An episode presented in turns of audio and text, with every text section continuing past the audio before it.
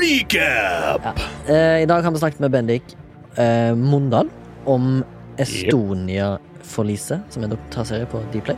Eh, det har vært interessante flashbacks.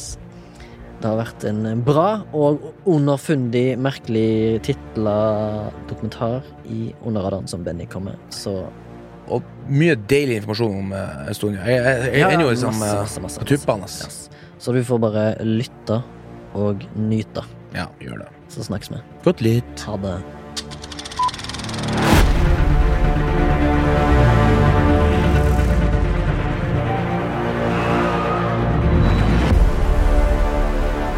Det var Wilhelm Scream. Wilhelm Scream. Det hørte jeg på um, Nei, faen, jeg skal ikke se det. Uh, jeg må bare se det. Okay. Jeg så uh, episode på Charterfeber i går. ja, men Det er sånn guilty pleasure vi har i kjerringa når vi bare kjeder oss. og det er sånn dum greier. Du hører på Flashback, en podkast om film og sånn. I dag har vi med oss en gjest, fordi Baba har fratredd i rollen som eh, klasseforstander i dagens episode. Eh, vi har selvfølgelig Det er meg, Remi fra Haugesund, filmarbeider, og så har vi Morten fra Mo i Rana. Uh, filmarbeider. 39 år. Eh, ja.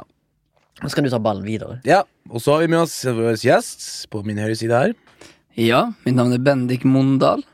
Jobber som produsent og regissør hos Monster. Hei! Og litt regi så jeg på en rulletekst her, men det er jo kjøtt Sa du manus òg, forresten?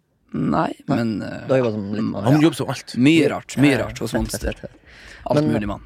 Skal vi tease hva vi skal Eller det står jo allerede i episodetittelen hva vi skal Ja. snakke om. Det gjør Vi det. skal snakke om Estonia-dokumentaren som har gått på Dplay, produsert av Monster. Og der har du vært veldig delaktig, kan du Det stemmer. Jeg har vært både redaktør og regissør. Ja, nettopp. Og det er, eh, som vi ser, det var seks episoder? Sju? Seks? Fem. Fem. Føltes som sju. Nei da. Ja, nei, ja, men den siste var vel i en times tid? En times tid, ja. ja. Ja, vi liker å si fem og en halv episode. Fem og en Nei, halv, ja. fem og en halv, ja. Riktig. Fem og en halv. Ok, nettopp. Bra. Eh, vi skal vel kanskje I don't know, snakke om eh, ting vi har konsumert av medier. Vi må ta flashback, ja. Ja, Ukens flashback. Forklar konseptet til lytter som plutselig kom inn. Uh, skal vi se her, Det er at vi tar et tilbakeblikk Et kulturelt tilbakeblikk. Ja, det er godt, det Vi godt har jo takt Vi har jo vært innom både Lamafarm, eh, musikk Alpakkafarm. Alpakkafarm, ja. Ja. Uh, musikk, teater, gud vet hva. Ja. Så jeg kan godt starte. Som sagt så har jeg um, tatt litt sånn her uh, dumgreier. Uh, Dum-greier. ja, sånn her Har du spilt Dum? Nei, men sånn her eh, sommerhytta og 71 grader nord og sånn. Hva er sommerhytta, da? Er det, Nei, det er sånn her-? Program de eh, sånn vanlig f- Jeg må jeg må bare flytte her. Ah, ok. Sånn vanlige folk pusser opp ei sånn hytte. Ikke sant? Og det her gangen så var liksom Jeg la merke til nå at liksom de sliter litt med sånne her eh, reality-greier for, nå- for å få nok dramatikk. Så de begynte liksom å, å Både på Sommerhytta og på 71 grader nord Så tar de inn sånn folk som er liksom For eksempel på, på 71 grader nord tar, tar de tar inn folk som aldri har vært i skogen. Ja. Altså En av en av som var med, og så hata folk som liksom 'Nå skal vi gå bakken!' Ikke sant? Jeg hater sånne folk. Og så hun meldte seg på til gjengen nå. Norges tøffeste eventyr!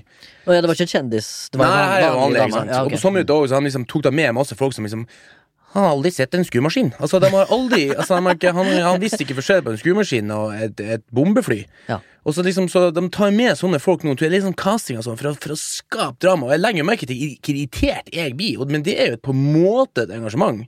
Men og likeens Men eh. Farmen òg, så han tar med sånn her! Alle sammen er halvnaken hele tida, Mm. og så ser du bare i Dagbladet og VG den bombarderer med seksuelle referanser.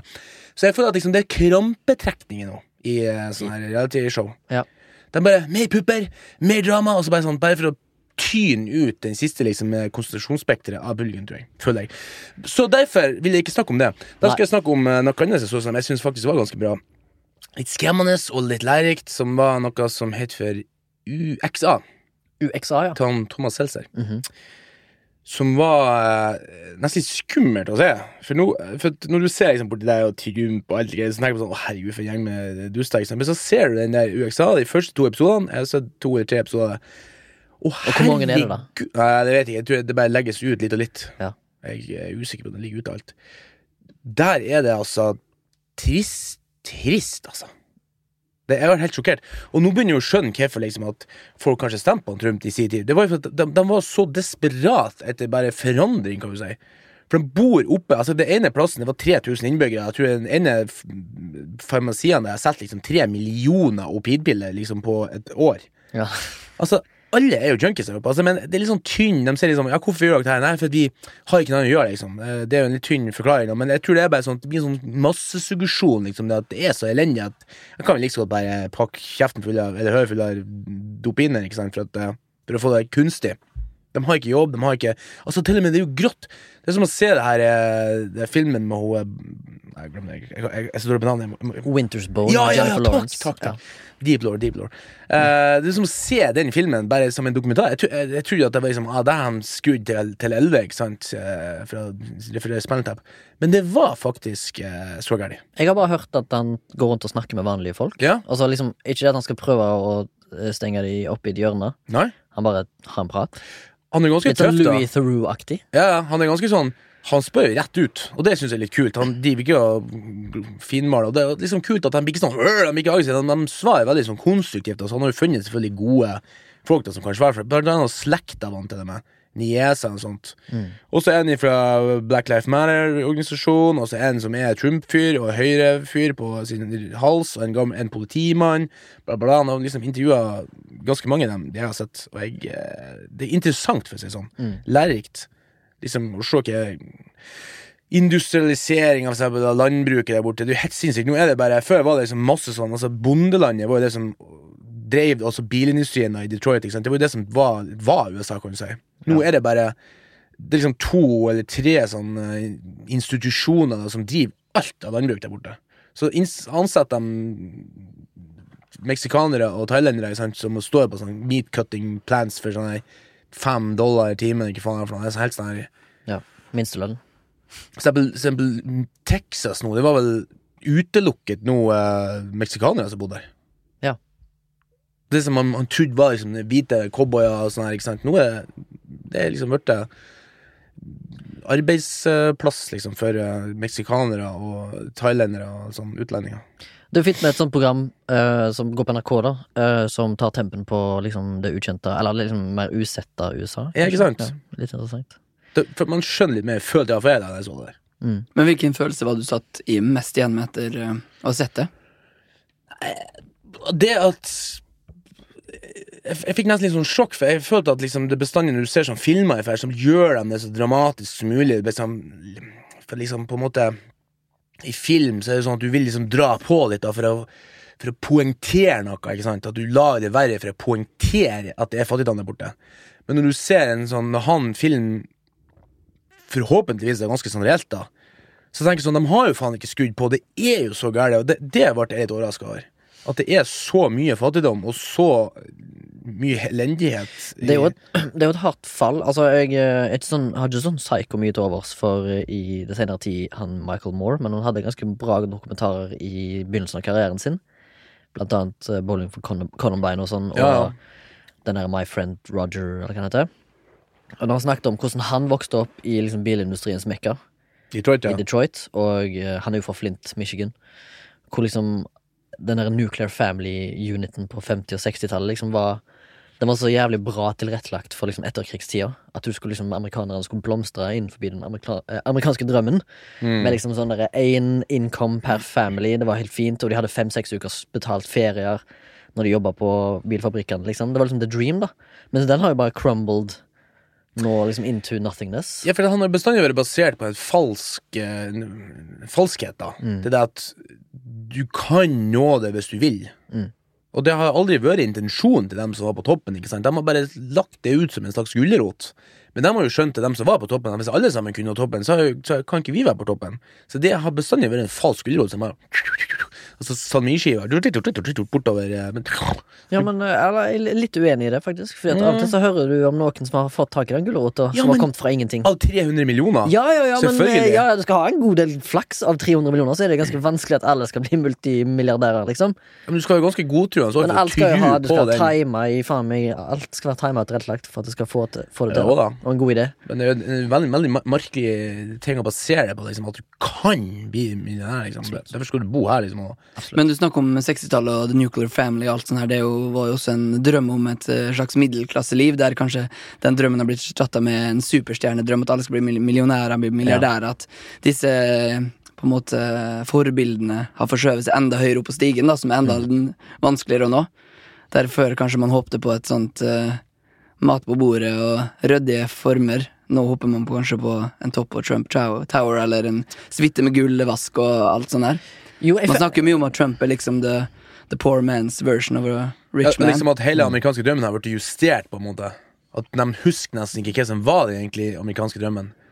Nei, ikke sant? At, at man tenker at den amerikanske drømmen er liksom fra virkelig fra rags to riches. At det liksom fra det bunnen til bunnen til toppen av toppen. Ja. Mens før var det liksom nå er vi kommet ut av en stor krig, en stor omveltning i verden. Vi vil Mm. ha liksom middelklasseliv, vi vil ha trygge, vi vil ha white picket fence. Mm. Men vi vil kanskje ikke ha liksom Lamborghini og Nei, men jeg, jeg, tror kanskje en det, jeg tror kanskje det var eh, andre tider da, for da fantes på en måte ikke Instagram, da. Og, og at liksom kanskje å ha trygge omgivelser, betalt ferie, og liksom eh, ikke bekymre seg for regningen på restauranter, eksempel. Mm. Eller kanskje ikke bare ha Ikea-møbler i hjemmet. Det, liksom, det var det som var suksess. mm. Å ha en, kanskje en, en, et velstående, kanskje sånn suburban life, da. Det var det som var liksom Ja, middel, middelklassen. Så var jo amerikanske drømmen Hvis du tenker på bilder fra da jeg var liten, så var jo det på en måte, som du sier, Mm. en, en, en, sto, en bil, og du hadde ungene som leka, alt var trygt, du hadde jobb, du hadde liksom en sånn steik på Bodø Rauka, ikke sant? Mm. Ja, ja. Mens Alt nå nytt. er liksom amerikanske drømmen er liksom, som du sier, liksom Trump, liksom. At det, det, det har vært justert med Ja, tida. enten liksom. del av sånn Kim Kardashian-aktig. Som, hvorfor hvorfor er de kjente? da? Fordi at de har handla, liksom. At de er kjent for at de er kjent, liksom. Ja, det er helt sjukt. Eh, De liksom, det er jo ikke noe Hvis du skjønner? La meg, jeg høres kanskje ut som en gammel mann når jeg sier det, men jeg Nei, men føler jeg er de enig. tilbyr jo Herregud. ingenting. Nei, nei, ikke sant? De er et brand, liksom. Jeg kaller meg også gammel, litt sær, men jeg syns også en, en, en, en, en kjendis, ikke sant? Hva faen er Altså ja, nå høres jeg veldig gammel ut, Men jeg liker en sånn fyr som kan liksom synge eller danse eller woohoo! En performer. For meg det er en kjendis. Han er kjent for at han, han hadde trena livet på en spesifikk En ting. kjendis er kjent fordi den, den personen har et talent som kanskje mange liker. Men nå datt hele den yngste Ja, Borge over det. ja, ja, ja. Nei, Men eh, nå skal vi sende ballen videre. Vi sender ballen videre til Bendik, og så tenker vi spør deg hva du har konsumert i det siste som er verdt å nevne. Jo, altså, vi, er jo et bankende hjerte for dokumentaren, som også kanskje Morten har. Og, og en annen ting på helt andre sida av verden som gjorde meg trist, og som gjorde meg sjokkert, og som gjorde meg også engasjert, var jo denne nye dokumentarserien Muldvarpen. Ja. Som har slått Ja. ned som en bombe i mange land. Det er Nord-Korea-greia. Det er Nord-Korea-greia. Hm.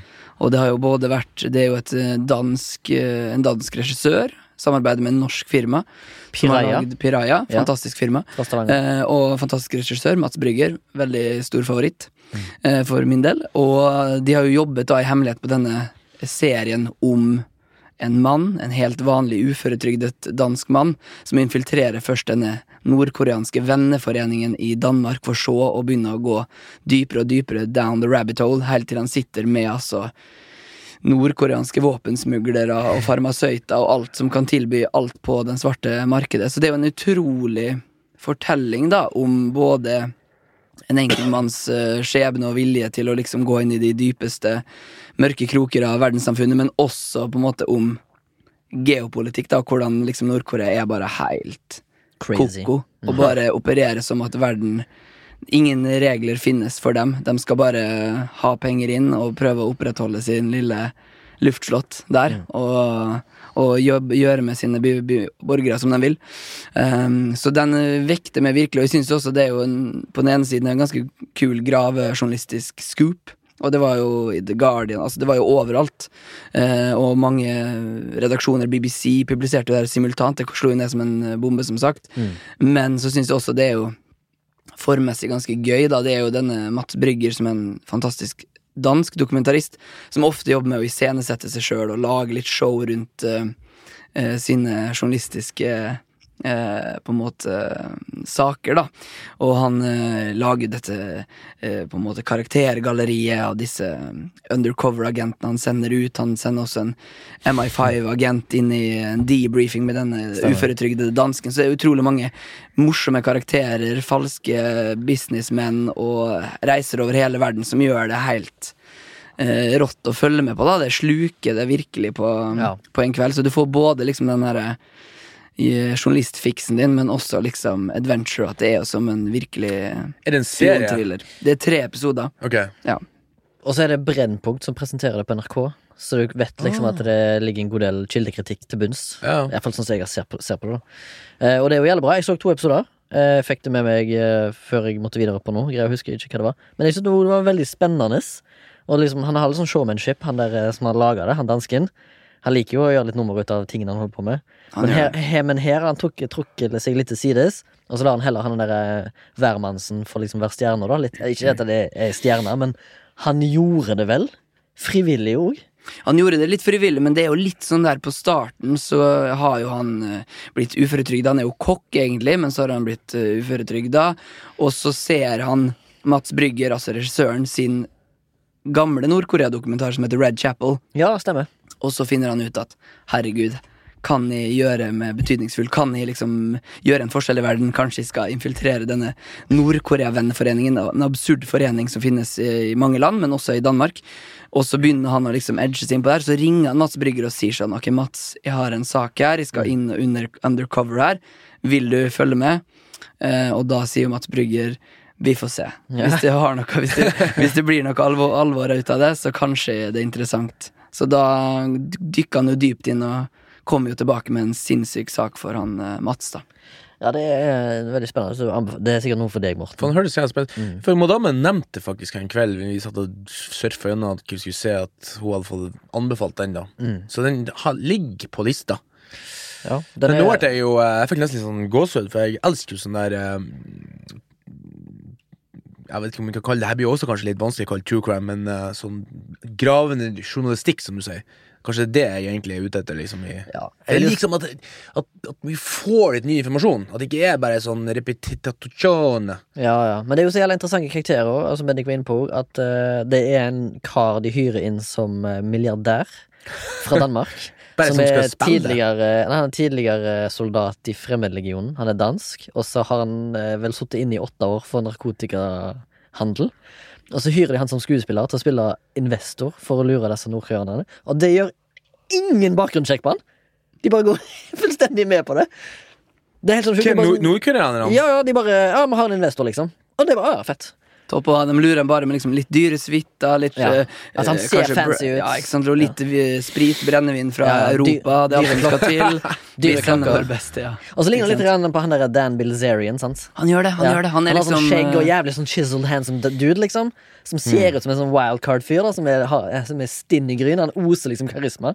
og med, og med motsetning til denne litt bleke, forsiktige. Mm. danske kokken som egentlig står i sentrum her, da, så tar han med han til Nord-Korea for å gjøre liksom hemmelige deals under Ja. bakken, inn i en kjeller, inn i et rom. Ja, ja. Ikke sant? Det er jo Å filme med skjult kamera. Og filme med skjult kamera, ja. Så det er jo en eh, må- det, Altså, pulsen går ganske greit. Altså. Ja, det er, og det er et par intense scener, faktisk, som er helt reelle òg. Eh, I svart Hvordan klarer folk å lage sånne der greier? Altså, det, det, det høres ut for meg som det er skripta. ja, jeg skulle nesten tro det, men Gud, han fyren, som, han, eh, fyren som du sier, han, han hovedpersonen, han, hva heter det? Lars? Nei. Ulrik. Ulrik heter han, selvfølgelig. Han, eh, han heter Ulrik Larsen, eh, kom jeg på, for det plagde meg litt at han heter ikke Lars Ulrich. Måte, Ikke sant, ikke sant. Eh, men uansett, han, han ser litt sånn, litt sånn stakkarslig, litt sånn spe, ikke spedbygd, men sånn litt sånn lutrygga Litt sånn I don't know. Han er ikke akkurat vel, Ganske vanlig han er ikke veltrent. Han er en vanlig fyr, liksom. De gjør jo poeng ut at han er jo vanlig, det er ingen som mistenker han for noe lurendreierier. Så han, han, og så er han jo tydeligvis jævlig informert om ting, og han liksom For å infiltrere så har han jo brukt ti år av livet sitt. Han vokser jo inn i rollen, og det er jo akkurat det jeg skulle si, at han har brukt ti år, og han har til og med ikke sagt det til nærmeste familie. Han har jo barn, kone, alt sånt her, og de tror jo i ti år at han er en eh, forkjemper for det nordkoreanske regimet. Han går ut i media underveis og sier sånn Ja. Det store folkerepublikken Korea, vår store leder, Å ja, og så så sånn, ja. Ja. Så han spiller jo rollen ikke bare privat, men også offentlig. Mm. Og risikerer jo ganske mye på en måte renommé, og jeg lurer på hvordan det var med å med, henge med venner og sånn, og han var liksom på sitt mest I ti offentlige i Ja, i- ti år. Han må jo faen meg få en pris for et eller annet. Ja, absolutt. Han har jo sikkert fått fame nå, men uh, prisen hans er vel det egentlig at han må leve i skjul for resten av livet sitt, kanskje. Oh, ja, ja, for noen uh, Altså, jeg, i jeg, jeg, sånn, jeg leste en artikkel på NRK da, at Altså, ekspert er jo ingen beskytta tittel, men Nord-Korea-ekspert sa at en av de største svikene du kan gjøre mot den nordkoreanske styre, styresmakten, er jo å svike, liksom. ja. Det ser de på som en sånn sinnssyk fornærmelse. Så det kan jo hende at liksom, de vil gjøre alt for å liksom balansere det utfallet der, da. Kommer plutselig med sånn Novichok. Ja, ja. Ikke sant? Det kan skje, men eh, det blir spennende å se, da. Men uansett, det er absolutt verdt å få med seg for de som hører på. Absolutt. Skal vi kaste ballen til meg? Ja. Kaste ballen videre. Jeg Du har har bestandig kost deg så mye gøy. Har jeg det? Ja. Ja. fordi at jeg er en eh, single dude som ikke trenger å Du er en konsument. Ja, det er faktisk jeg er en merch-fyr. Kjøper ting. Eh, jeg har vært på kino, sett film. Mm. I, Wow. Jeg har ikke vært på kino siden korona-hit. Hvordan Nei. var det? Ja, det var helt nydelig, for jeg så den danske filmen eh, Druk Åh, av Thomas Winterberg. dansk Eller kvalitet. Et glass til, som den heter på norsk. Eller Another Round, om du vil, på engelsk. Med Mats Mikkelsen. Eh, første film han har gjort eh, i Danmark siden Jakten. Hvis dere har sett den? Dere Jo. to har sikkert sett den. Absolutt. absolutt Jeg tenkte jo med en gang Thomas Winterberg, han har Festen, han har Jakten, han har et par andre filmer som jeg ikke har sett. Han skal lage film. Det må jo bli vondt og jævlig og mørkt og dystert. Men det var det absolutt ikke. Det var en fest og en feiring å se den filmen, Dråk, som er da basically tagline er fire eh, videregående-lærere eh, finner ut at de har lyst til å finne eh, De finner ut at de vil forske på om det å ha mer promille, altså ha en kontinuerlig promille gjennom hverdagen på jobb, gjør de til bedre mennesker. Det er det filmen handler om, basically. Og det er da basert på Finn Skårderud, som er en norsk psykiater, som har funnet ut at vi mennesker Eller han mener sjøl at hans teori er at vi mennesker er født med 0,5 promille for lite til å være oss sjøl. og dette, da skal de teste denne teorien, da. Mats Mikkelsen spiller en historielærer. Eh, og Bo, hva heter Thomas Bo Larsen. Han spiller en gymlærer, og så er det en annen som jeg ikke husker hva heter. Han er psykologilærer, og så er det en musikklærer. De finner ut at ja, men kan vi ikke teste dette her, da? Og så begynner de å drikke før jobb. Og skal de holde promillen gående for å se om de blir bedre lærere. Fordi at det begynner jo selvfølgelig med at de er ganske kjedelige middle-aged dudes, da. Med liksom familie, og noen har ikke familie, og så er det bare Uh, Ja, de får liksom hele tida reflektert til, til seg sjøl at de er litt, litt sånn trauste. Er det dette? Er det et godt norsk ord? Traust? Er det? Eller, Det er godt. Traust? Ja, ja, fint det. Det er sånn Ja, vanlig fyr, da. Ja, det er det. Altså liksom, de får liksom han, Det med lei av av Ja, fire-tilværelsen. litt. Og så han Mats Mikkelsen spør liksom kona si, som spilte av Maria Bonnevie, by the way. Uh, så sier han uh, Er jeg kjedelig? Og så sier hun så Koster du vekk liksom å gå på nattskift? Og så blir det liksom, Det er en av de første linjene, da. Er det inne i filmen der. Og så etter hvert så blir det jo bare en eh, fantastisk uh, gøy og løyen film. Eh, som er superunderholdende og anbefales eh, med insane eh, entusiasme. Rett og Wow. Men det er jo det er ikke mørke liksom lure under der. Den er litt vond, men den har sånn, mer sånne høydepunkter som jeg føler liksom er det, det, det, han er så Du får liksom Etter faen jeg, du, det føles ut som du får den, den danske folkesjela inn i blodet. da Og inn i øynene og inn i alle sanseorganene. Så man kan tåle å se det selv en mørk eh, høstkveld. Ja, og det er jo akkurat det det er nå for tida, hvis du hører på denne podkasten når vi spiller den inn, om, om, eh, for å si det sånn. Så den anbefales eh, veldig å, å se på kino, syns jeg, da, fall, for å støtte det. Ikke bare det, en tilleggsinformasjon. Den hadde premiere i Danmark nå i høst, og den ble besøkt åpningshelga av 102 000 mennesker i Danmark i covid-19-reglement, som er den mest besøkte danske filmen på sju år i Danmark i, altså, på tross av at det var covid-19, liksom. Wow. Gratulerer, Thomas Winterberg. Thomas Winterberg har virkelig gjort det store, og jeg, jeg må bare si det er Altså, film, altså. Film er tilbake. Det er det jeg har- vil si på det. For du fortalte meg når vi satt og grilla pølser om dagen, og jeg fortalte til eh, madammen Hun var skikkelig gira. Skulle ha Vi skal, vi skal se ham på kino. Det Og har apropos kino nå, det er covid, det er ganske chill, egentlig, for at uh, jeg syns nesten det er bedre. Ja. For det er så god plass. Det er liksom, du, du har to Du kan kjøpe to seter, og så har du to seter rom og så er det to bla, bla, bla. Så det, går sikkert, det er sikkert dritt for kinoen, men det er jævla chill å dra på kino nå, for at det er så stille, Ja. det er så god plass. Du kan liksom legge, legge, jakka på sida av deg, legge litt sånn snacks. Ja, for jeg har liksom vært ute og kjørt tog og kjørt fly etter covid, og det har jo også vært en eh, positiv Ja, ja, ja, ja. kan vi si. Det å ha god plass, det å gå, ingen folk for tett på, ikke sant? sånn- Ja. Det er liksom Nei, det- nesten litt sånn renessansen. Det føles ut som eh, Bill Burr sin drøm om at 80% av oss må vekk for at det skal bli mindre trafikk i LA. Eh, Men uansett, eh, dramatisk.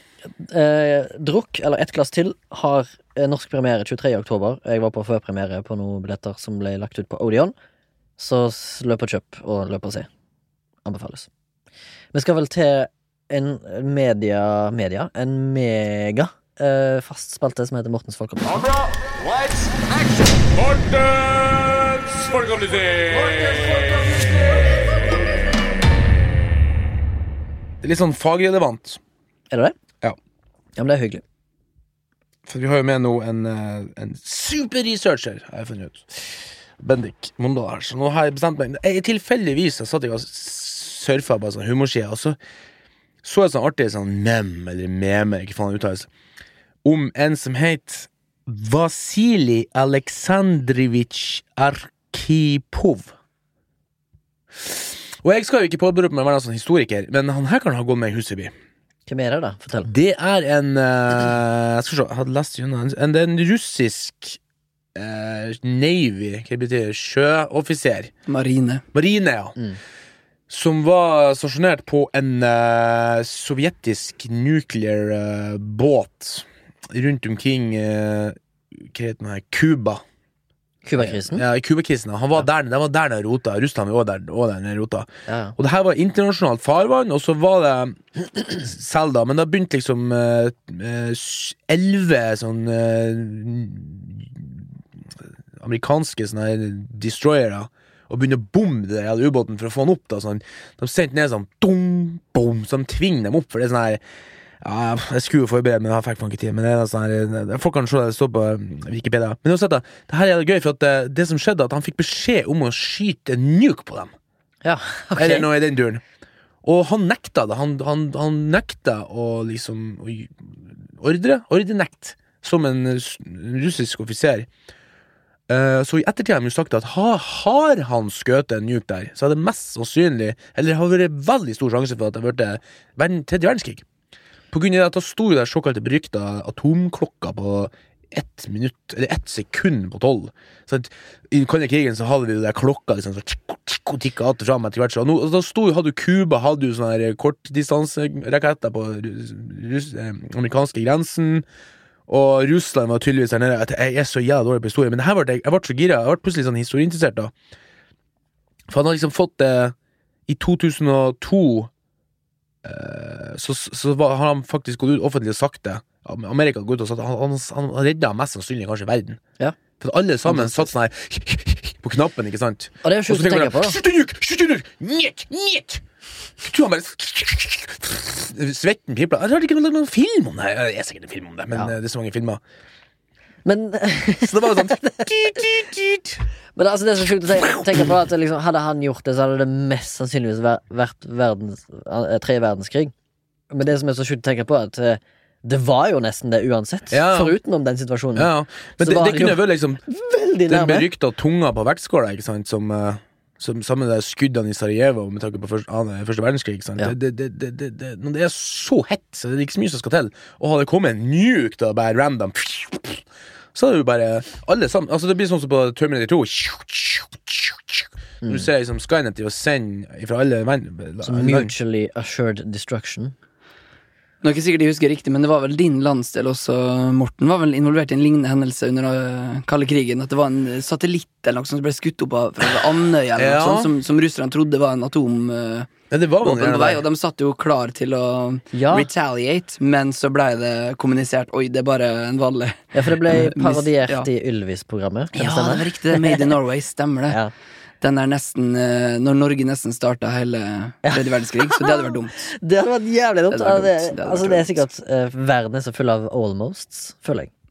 Og, det er jo, og akkurat når det kommer til atomvåpen, så er det jo så dumt med almost. Og jeg hørte, altså, det fins jo så mange historier om nedlagte atom... Sånne hva heter det, sånne siloer Ja. i USA der noen har mista en skiftenøkkel ned, så har de nesten satt i gang. ikke sant? Ja. At med så mange våpen som bare står at the ready, så er det jo ikke bare det at folk kan eh, misforstå og trykke på start, men det kan også skje en teknisk feil, og bare Ja. bang. Altså Det er jo um, til å grøsse på ryggen av, Ja, å tenke på um, hvor nær vi til enhver tid er. Ja, til enhver tid. Undergangen. Ja, ja, for jeg har, jeg har hørt en del intervjuer med Shane Smith, i, som er da han som er nå CEO i Vice. Når han har vært gjest på Joe Rogan for et par år siden, så snakket Joe Rogan om hva er liksom det mest farlige du føler liksom verden er nødt til å vite. Da Og det, Da sa han tumultene mellom India og Pakistan er det helt jævligste, skumleste han har vært med på noensinne. Fordi begge de som står liksom klare der til krig, iallfall når det var på det verste, de var så sikre på at hvis de starta noe, så vant de. Og de hadde 100% confidence på at deres våpen kom til å tilintetgjøre fienden før de. Og når begge sider har den oppfattelsen, så er det så psykoskummelt. Og liksom Så det er liksom at verden må de bare de må, Verden må liksom cradle India og Pakistan så jævlig, liksom, å sørge for at ikke de går i tottene på hverandre.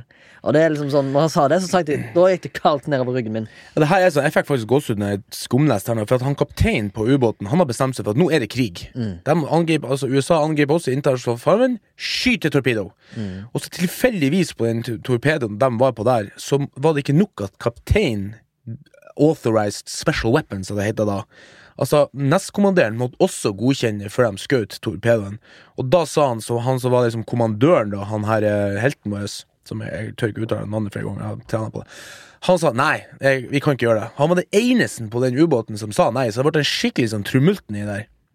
Tenk på det, altså. Han Shit, verdens farligste gruppepress på den Ja, lille ubåten. Skyt a torpedo! Og liksom har han da skutt etter bilen Og du har sett liksom elleve amerikanske destroyere eksplodert, da, da, da hadde det blitt crazy banana, tror jeg. altså En helt sjuk ting som vi har eh, kommet over den siste tida, som også man ikke må faktasjekke meg helt på, men det at hvordan man skyter ut disse missilene fra en ubåt, hvordan liksom blir ikke de fucka på vannet på vei opp, men det som man gjør, er at man skyter ut en luftboble foran torpedoen, og så skyter man torpedoen inn i luftbobla, så den torpedoen, den kom, eller den missilen, kommer opp av vannskorpa helt tørr.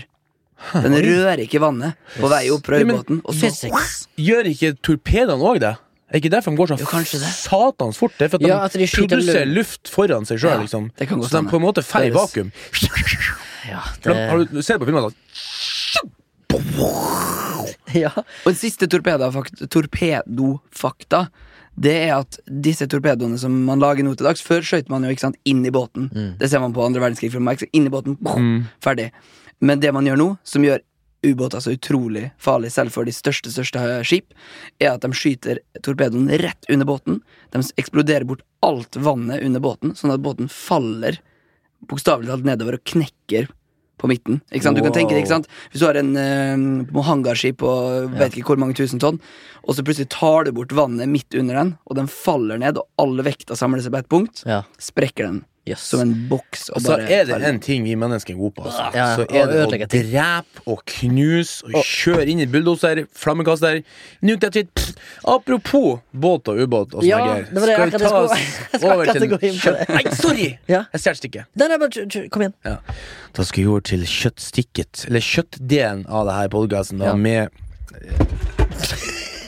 Hva faen er det som skjer her? Det, det er din feil, Remi. Hva er det jeg har gjort? Var du så Et dårlig tegn. Eh, vi skal inn i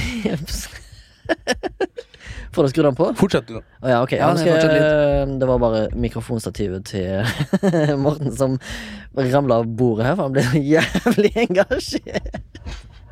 Men apropos ubåt og torpedoer, jeg tipper grunnen til at du plutselig kom med noen harde fakta her, eller kanskje litt godt researcha fakta, Bendik, er fordi at eh, du har vært nødt til å dekke akkurat det området når det gjaldt den dokumentarserien du har jobba på, Estonia. Så la oss heller snakke litt om det. Og eh, for å gjøre det kort og greit det, eh, Vi var inne på hva du gjorde på Monster, men eh, det du nevnte der, var det det du gjorde på den dokumentaren? Alt? Det? Ja, altså på denne dokumentaren som vi jobber med nå i snart to år, så har jeg jobba både som eh, det som heter redaktør, som ikke er som en aviseredaktør, men som en redaktør som en slags har et overoppsyn med hele serien, innholdsansvarlig for liksom serien, selv om man har masse regissører og alt sånn, skal man liksom ha et lite overblikk da over at uh, ting henger sammen fra en episode til en annen, og sørge for at liksom eh, hele det store narrativet henger på greip. Så Det er en sånn liksom- rød tråd, liksom. en rød tråd. Så det er jo eh, redaktørens ansvar. Um, og så har jeg også hatt regi på halvannen episode, vil jeg si, da. Ja, Sammen, nice. ja. Så der har man både vært liksom nedi purra på episodene, men også prøvd å se liksom det store bildet på de fem episodene vi har, har lagd, da. Mm. Hvordan endte du opp på prosjektet? Var det en jobb du søkte på, eller er det en jobb du har oppsøkt? Nei, det, er jo en, det er jo en litt eh, Det er en, eh, en mellomting, holdt jeg på å si. eh, Det som det begynte med, var jo at for mange år siden, ikke så mange år siden, da, men noen år siden, så jobba jeg på Brennpunkt i NRK. Eh, etter jeg var ferdig på skolen, sammen med blant annet Morten. Ja, det er en fact vi glemte å si. ja. Ja, ok, dere går på skole sammen? Vi har gått Ja, på skole Shit, sammen. nepotism. Westerdals name drop. Ikke sant, West. Gamle, gode. Ga, god gamle, ja, ja. Masse Før studielån. fusjonering. fusjon- fusjon- Nei, midt, Ja, midt i. Midtfusjonering. Midt i midt Den beste fusjonerings- fusjoneringen. Ja, Mottatt. det er den foretrukne fusjoneringen. Jo, eh, og da jobba jeg i Brennpunkt. Jeg Jobba sammen der med en veldig dyktig kollega som heter Henrik Evertsson. Gravejournalist. Svensk opprinnelig, men har bodd i Norge i mange, mange år. Og der jobba vi litt sånn bare med forskjellige prosjekter, men vi holdt jo kontakten etter vi slutta der, og da jobba jeg litt i Monster, han var litt frilanser, og så skulle vi møtes øh, og ta en øl for omtrent akkurat to år siden. Yes. Og da eh, tenkte vi kanskje at vi skulle liksom snakke litt om eh, livet og kjærligheten og alt som man snakker om når man drikker øl på en brun pub. Mm. Men da kommer altså Henrik eh, inn med masse brune sånne mapper, nesten litt sånn der apropos Wow. kald krig. Og, Spy oh, så kommer inn og legger de utover eh, bordet og begynner å fortelle om dette passasjerskipet Estonia, Ja. som forliste i 94, og at han mente at han hadde noe research og tyda på at det her ikke var helt som eh, det sk alt som det skulle være, da. At det kunne være feil i denne offisielle rapporten, eller i hvert fall det ting man skulle se nærmere på i denne saken, som egentlig har ligget mm, ganske død fra offisielt hold i mange, mange år. Eh, Men han eh, klarte i hvert fall i løpet av den seansen å overbevise meg om at her er noe vi må, en sak vi kan kikke på. Så da begynte vi å samarbeide inn i Monster, som jeg da jobba i, eh, om å gjøre det her om fra masse research som han hadde jobba i mange år med, viste det seg, på fritiden, til det som kunne være et prosjekt som vi faktisk kunne pitche og selge inn til en kunde. Og derfra gikk det egentlig overraskende fort. Vi eh, oppretta kontakt med Discovery, som da eier TV Norge. For de er ikke innvidde, men eh, de heter jo da Discovery og har litt mer nordisk Nordiske kolleger i alle Discovery nordiske land. og Group, egentlig, og- ja, ikke sant? De har jo Discovery Nordic og så har de Discovery World, men i denne um, sammenhengen så var det på en måte Discovery Norden vi, vi jobba med, da. Mm. Og da fikk vi ganske kjapp uh, eh, gehør der, for dette var noe de var interessert i. Og så satte vi vel for alvor i gang da i ja, tidlig 2019, da. Ja. Kom vi offisielt i gang med prosjektet som vi da Mm. har akkurat lansert for ja, tre Norden? uker siden. Er det for Norden, eller for bare Norge i nå i utgangspunktet? Nei, vi har eh, altså jobba Det er jo en norsk produksjon som er produsert av Monster Mm. for Discovery, men eh, hadde premiere simultant på Dplay i alle nordiske land. Ja, ok. Så øh, håper jeg det kommer også på Og det var ganske fort da, fra dere liksom fikk grønt lys da, i tidlig 19 til Jo, men hvis han, eh, Henrik har sittet og researcha på egen hånd, så har de jo allerede mye solid shit. Ikke sant? Ja. Ikke sant, Henrik hadde jo jobba i mange år på fritida med den saken her, hadde jo øh, dokumentstabler høye som fjell. Hadde kommet inn en Eh. fyr Altså Det er en sånn drømmesituasjon. Du sitter Ja. på en sånn brun pølse, kommer en sånn fyr med en sånn bunke brune altså, Ja, ja. Jeg er med. jeg snakke med en gang. Jeg er med. Bare før han har sagt et ord. Men han Henrik, det er han som er med i episodene? Sånn litt sånn høgreist, skjeggete svenske? Eller tar jeg helt feil? Det er helt korrekt. Ja. Eh, Henrik er også foran kamera, Ja. og, og er jo da med, for dem som har sett serien, på denne båten ute på Østersjøen, da de skal dykke ned til vraket for å finne nye svar. Eh, Var du og der? Jeg var ikke på den Nei. eh, båten. Det var jo en båt som eh, var befolket av de som hadde aller mest peiling, og da var jo Henrik en selvskreven eh, kandidat. Og så var det jo veldig mange fantastisk eh, flinke fagfolk, både sjøfolk og eh, teknikere. Eh, fotografer, lydfolk. Så da eh, holdt de med på um, trygg eh, avstand i. Oslo, og hadde god kontakt på både satellittelefon og på denne Marine Traffic er jo en sånn fantastisk nettside man kan følge alle båter. Ja. Så da kunne man se hvordan denne båten beveget seg sakte og sikkert Mm. Mot, To, to eh, døgn, var det- var det det? Tok omtrent to døgn ja, fra de gikk ut fra Rostock i Tyskland til de kom Ja. fram til, eh, til vraket. Og um, for de som ikke er innført hele saken, så er det jo en et gravfredsavtale som råder på dette området rundt vraket, da. Eh, Så det gjør det ulovlig å både drive egentlig ferdsel der som ikke er ferdsel som skal gå rett forbi, eh, og spesielt drive med undervannsaktivitet på stedet. Eh, og det er jo en lov som disse landene som har vært involvert i katastrofen, har underskrevet. Og, det har gjort det umulig i alle de år å gjøre egne undersøkelser, private journalistiske undersøkelser til vraket, og det har jo vært også en kritikk fra de pårørende overlevende at, eh, at ikke myndigheten har gjort nok for å granske, så da eh, vurderte vi lenge eh, og vel eh, både de juridiske og etiske implikasjonene av å gjøre en sånn eh, dykkeoperasjon, men falt altså ned på at på basis av vår store, store research, så var det rettferdiggjort å dra ut dit og gjøre en eh, undersøkelse med en undervannsrobot på utsiden av skroget, kun på utsiden av skroget, der vi skulle dokumentere altså stålet, eller skrogsiden, Ja. til Estonia. Og så, Men dere gikk jo også da ut ifra Tyskland, som ikke har signert kontrakten. det er riktig. Det Og så er det jo jo internasjonalt farvann, så det er jo litt sånn Det er vel egentlig ikke noe lov der du kan jo ute. ikke lov, det er vel ikke en lov? Altså, vi eh, Det er jo sånn situasjonen er nå, er det jo at eh, Henrik og hans eh, og vår andre medarbeider Linus, som styrte denne undervannsroboten, begge de er svenske statsborgere og blir tiltalt for uh, å brutt denne gravfredloven i etterkant av operasjonen. Uh, og vi som produksjon, uh, vi nekter jo for at vi har brutt denne gravfreden, at vi har gjort et, et tydelig motivert journalistisk oppdrag, og at vi ikke har forbrutt oss mot loven som da skal beskytte de omkomne og deres eiendeler og deres gravfred, mens vi har jo kun operert vært på utsiden av vraket og gjort en journalistisk eh, dokumentasjon Jo. eh, av vraket. Hun som å gå over en kirkegård, det er jo på en måte lov.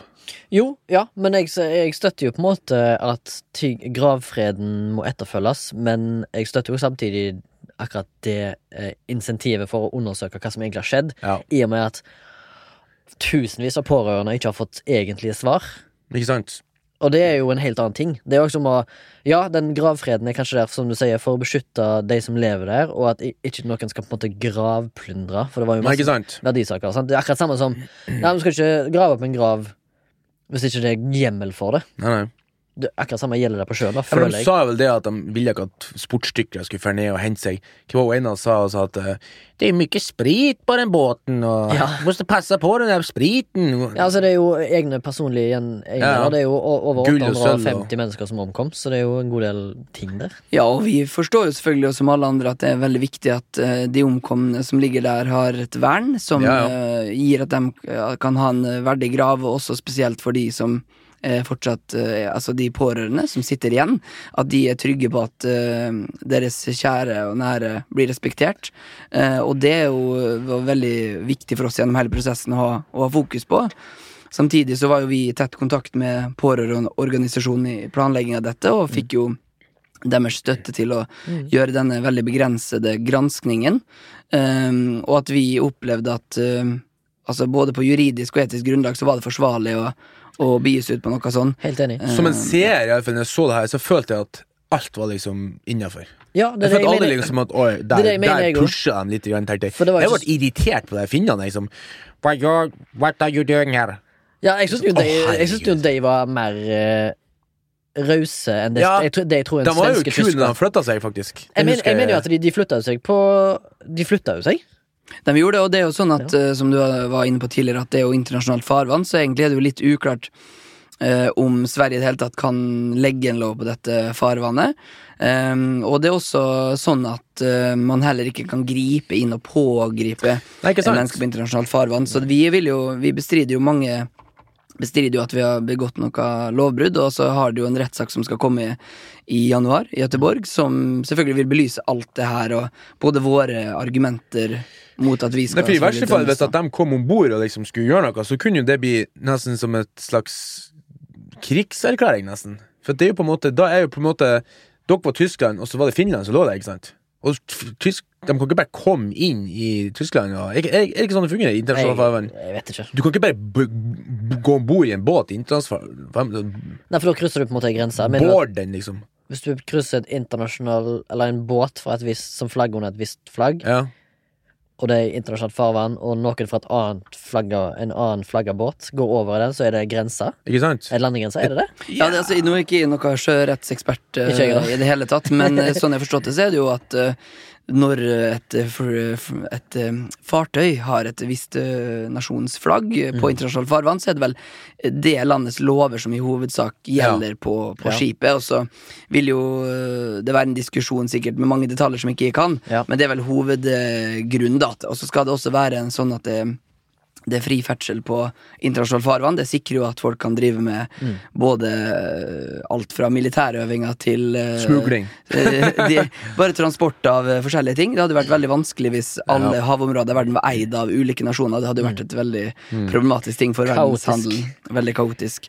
Så, så vi, som du sier, det var jo finske kystvakta overvåker jo dette området, og så var jo på plass når vi var der. Vi var også overvåka både helikopter og fly fra, fra svensk kystvakt, og, jeg- jeg og de fulgte jo med, men grep jo ikke inn og overholdt sånn sett den eh, det bestemmelsene om internasjonalt farvann og fri ferdsel der, da. Ja. Det som vi har reagert på også i etterkant eh, fra vår side, er jo at når vi kom Eller når skipet kom tilbake til Tyskland, så var det jo Og da var jeg faktisk til stede på kaia der.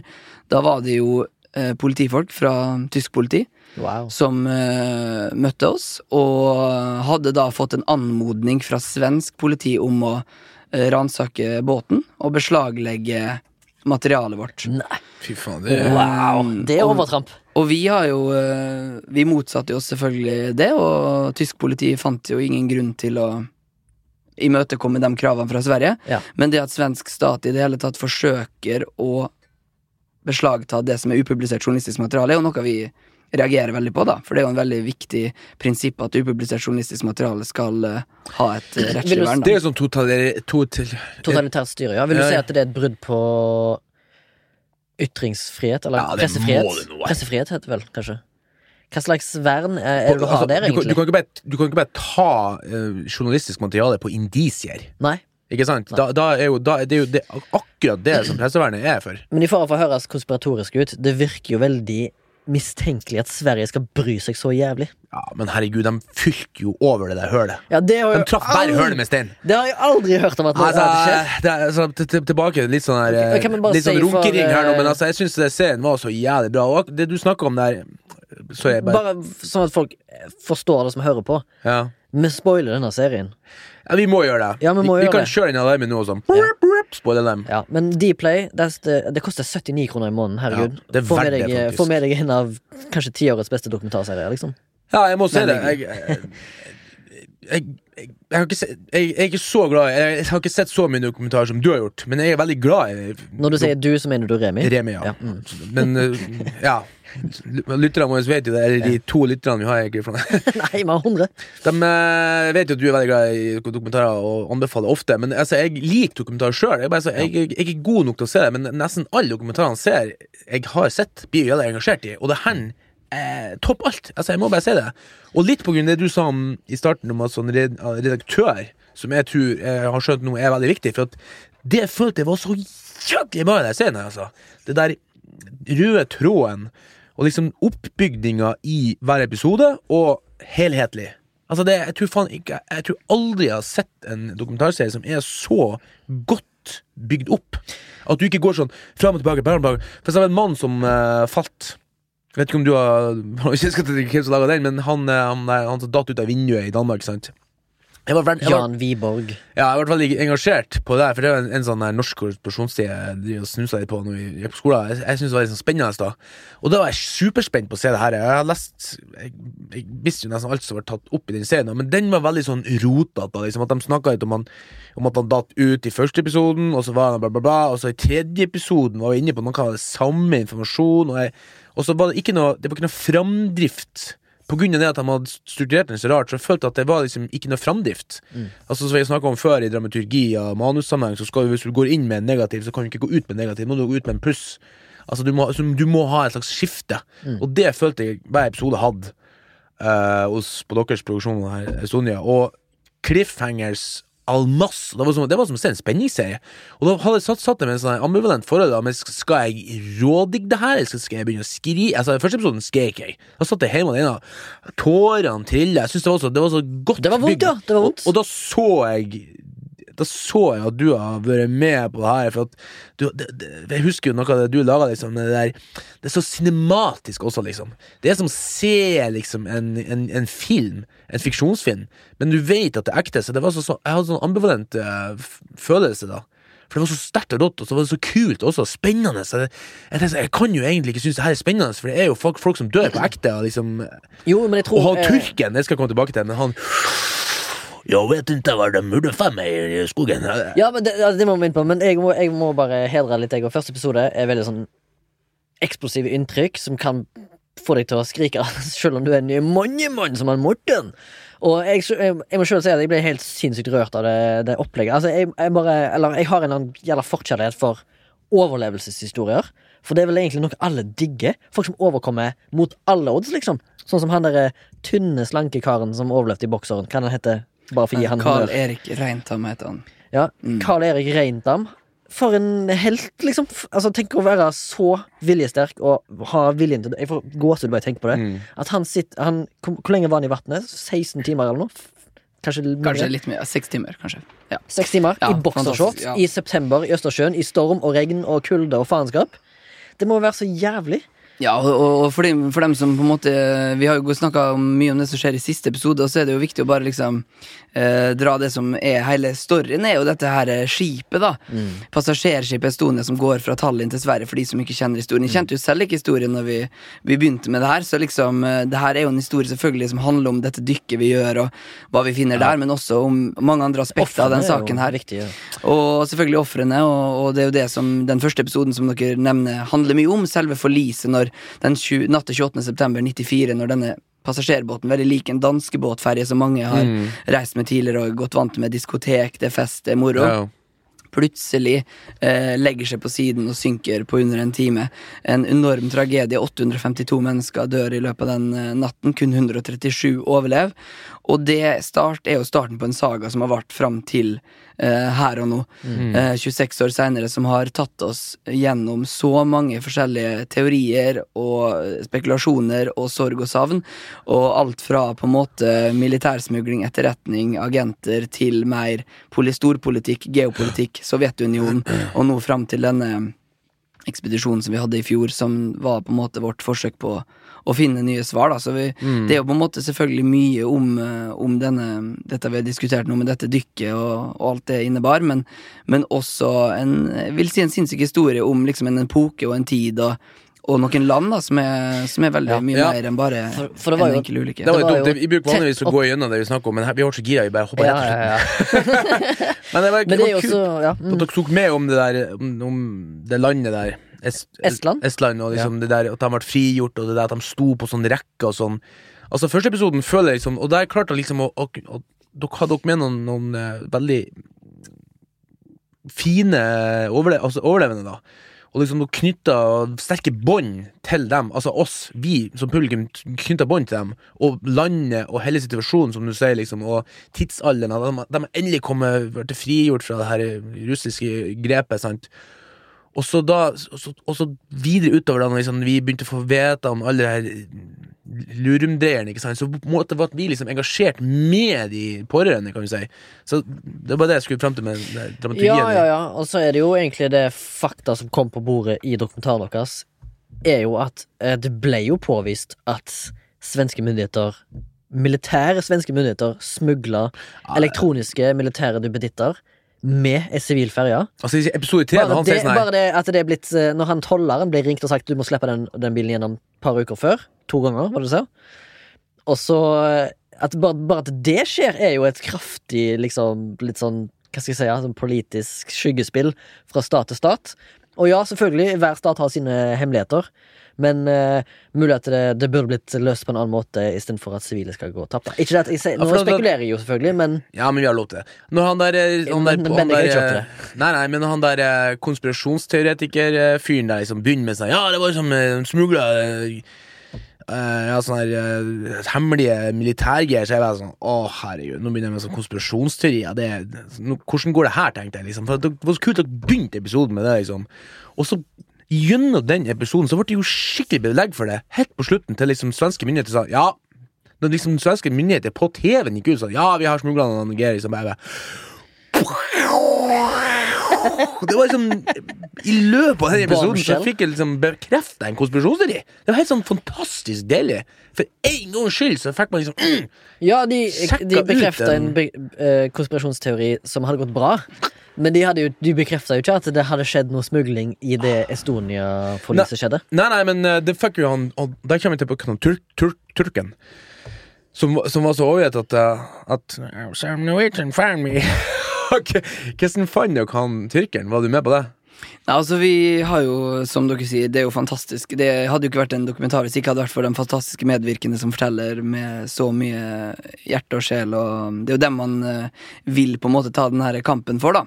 For eh, svar. Og, og du, du nevner jo denne episoden der vi snakker om militærsporet, etterretningssporet, kall det hva du vil. Og der er vi jo også en tur eh, i Tyrkia og møter Kadir Kaimas. Eh, Tidligere Karl- kjent som Carl Øvberg var han tidligere kjent som, som var med på uh, båten.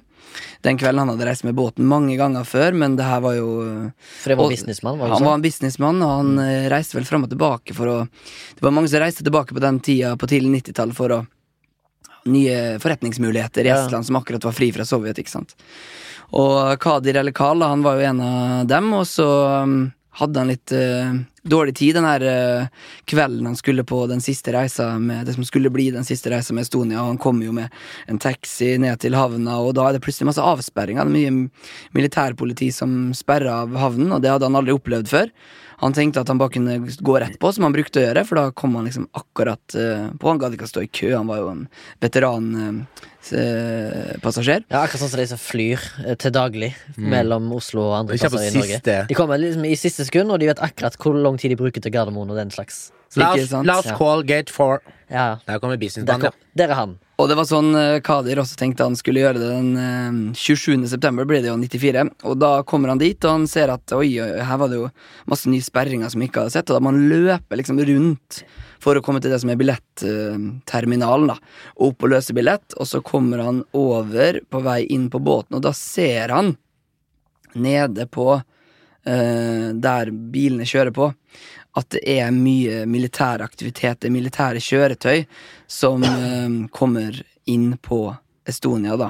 Og som du sier, så er det jo blitt avslørt at det var uh, militærsmugling på Estonia de to ukene før forliset, men selve forlisingsnatten så har ikke svenske myndigheter ville bekrefte eh, at det har vært noe som har vært smugla. De har heller sagt at det er ingenting som tyder på det. eh, men så har jo vi både Kadir og andre vitner i serien som Hun, da, dama òg, ja.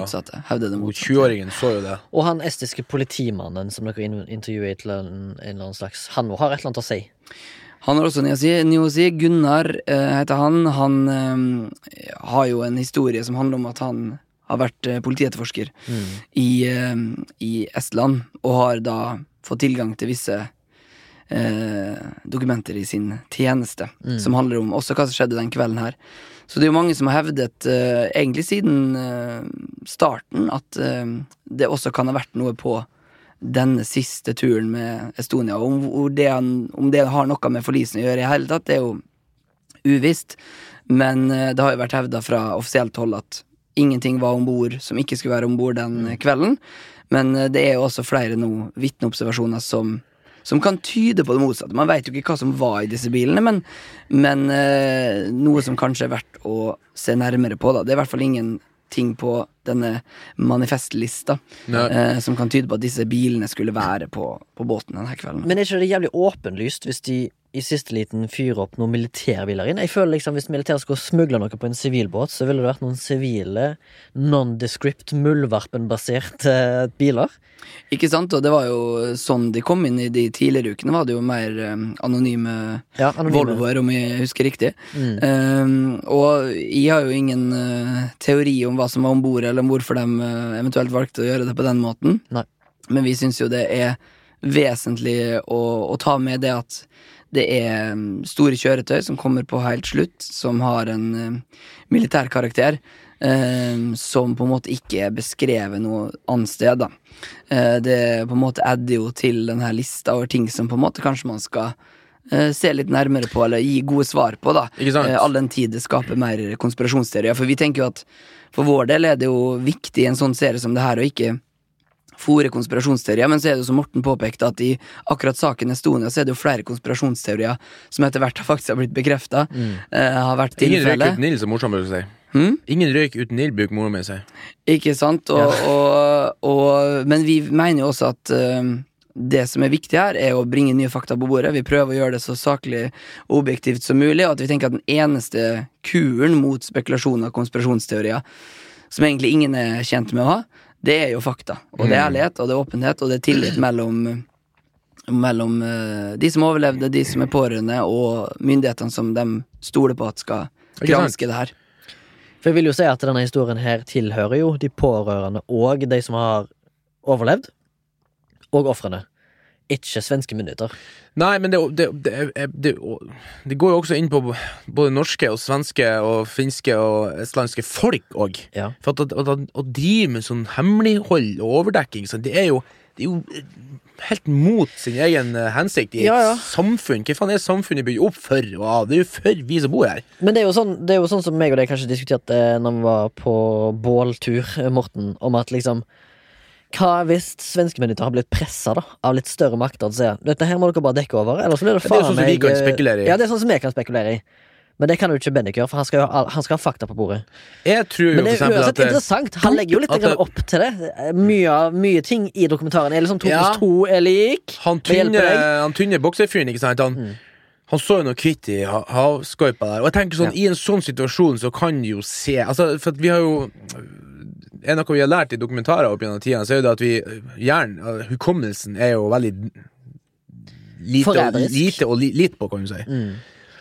Men samtidig så eh, Så er jo som sagt ingen røyk uten ild, og, og liksom, når liksom Det var jævla kul den episoden her, eh, for nå er det jo ordentlig spoilere, men det hører der som blir analysert av deg Han er han, først litt sånn her eh, tafatte, men så etter hvert superengasjerte eh, Professoren? professoren som Ja. liksom analyserte og liksom fant ut at det måtte være så og så mye kraft.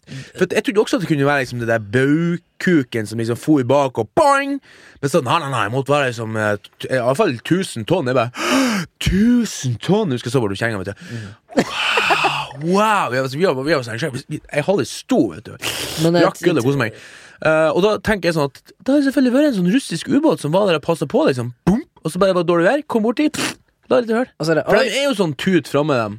Ja. Er de ikke det? Jo. Jeg vet da faen, jeg, men uh, ikke for å pisse på Eller jeg, jeg pisser litt på vår hukommelse, Morten, men uh, gi honnør til denne her professoren fra NTNU. Jeg husker ikke hva han het. Jeg vet ikke om du har det på stående fot? Det har jeg på stående fot. Det er professor Jørgen Amdal. Å, fy faen. Ja. ja. For en proff.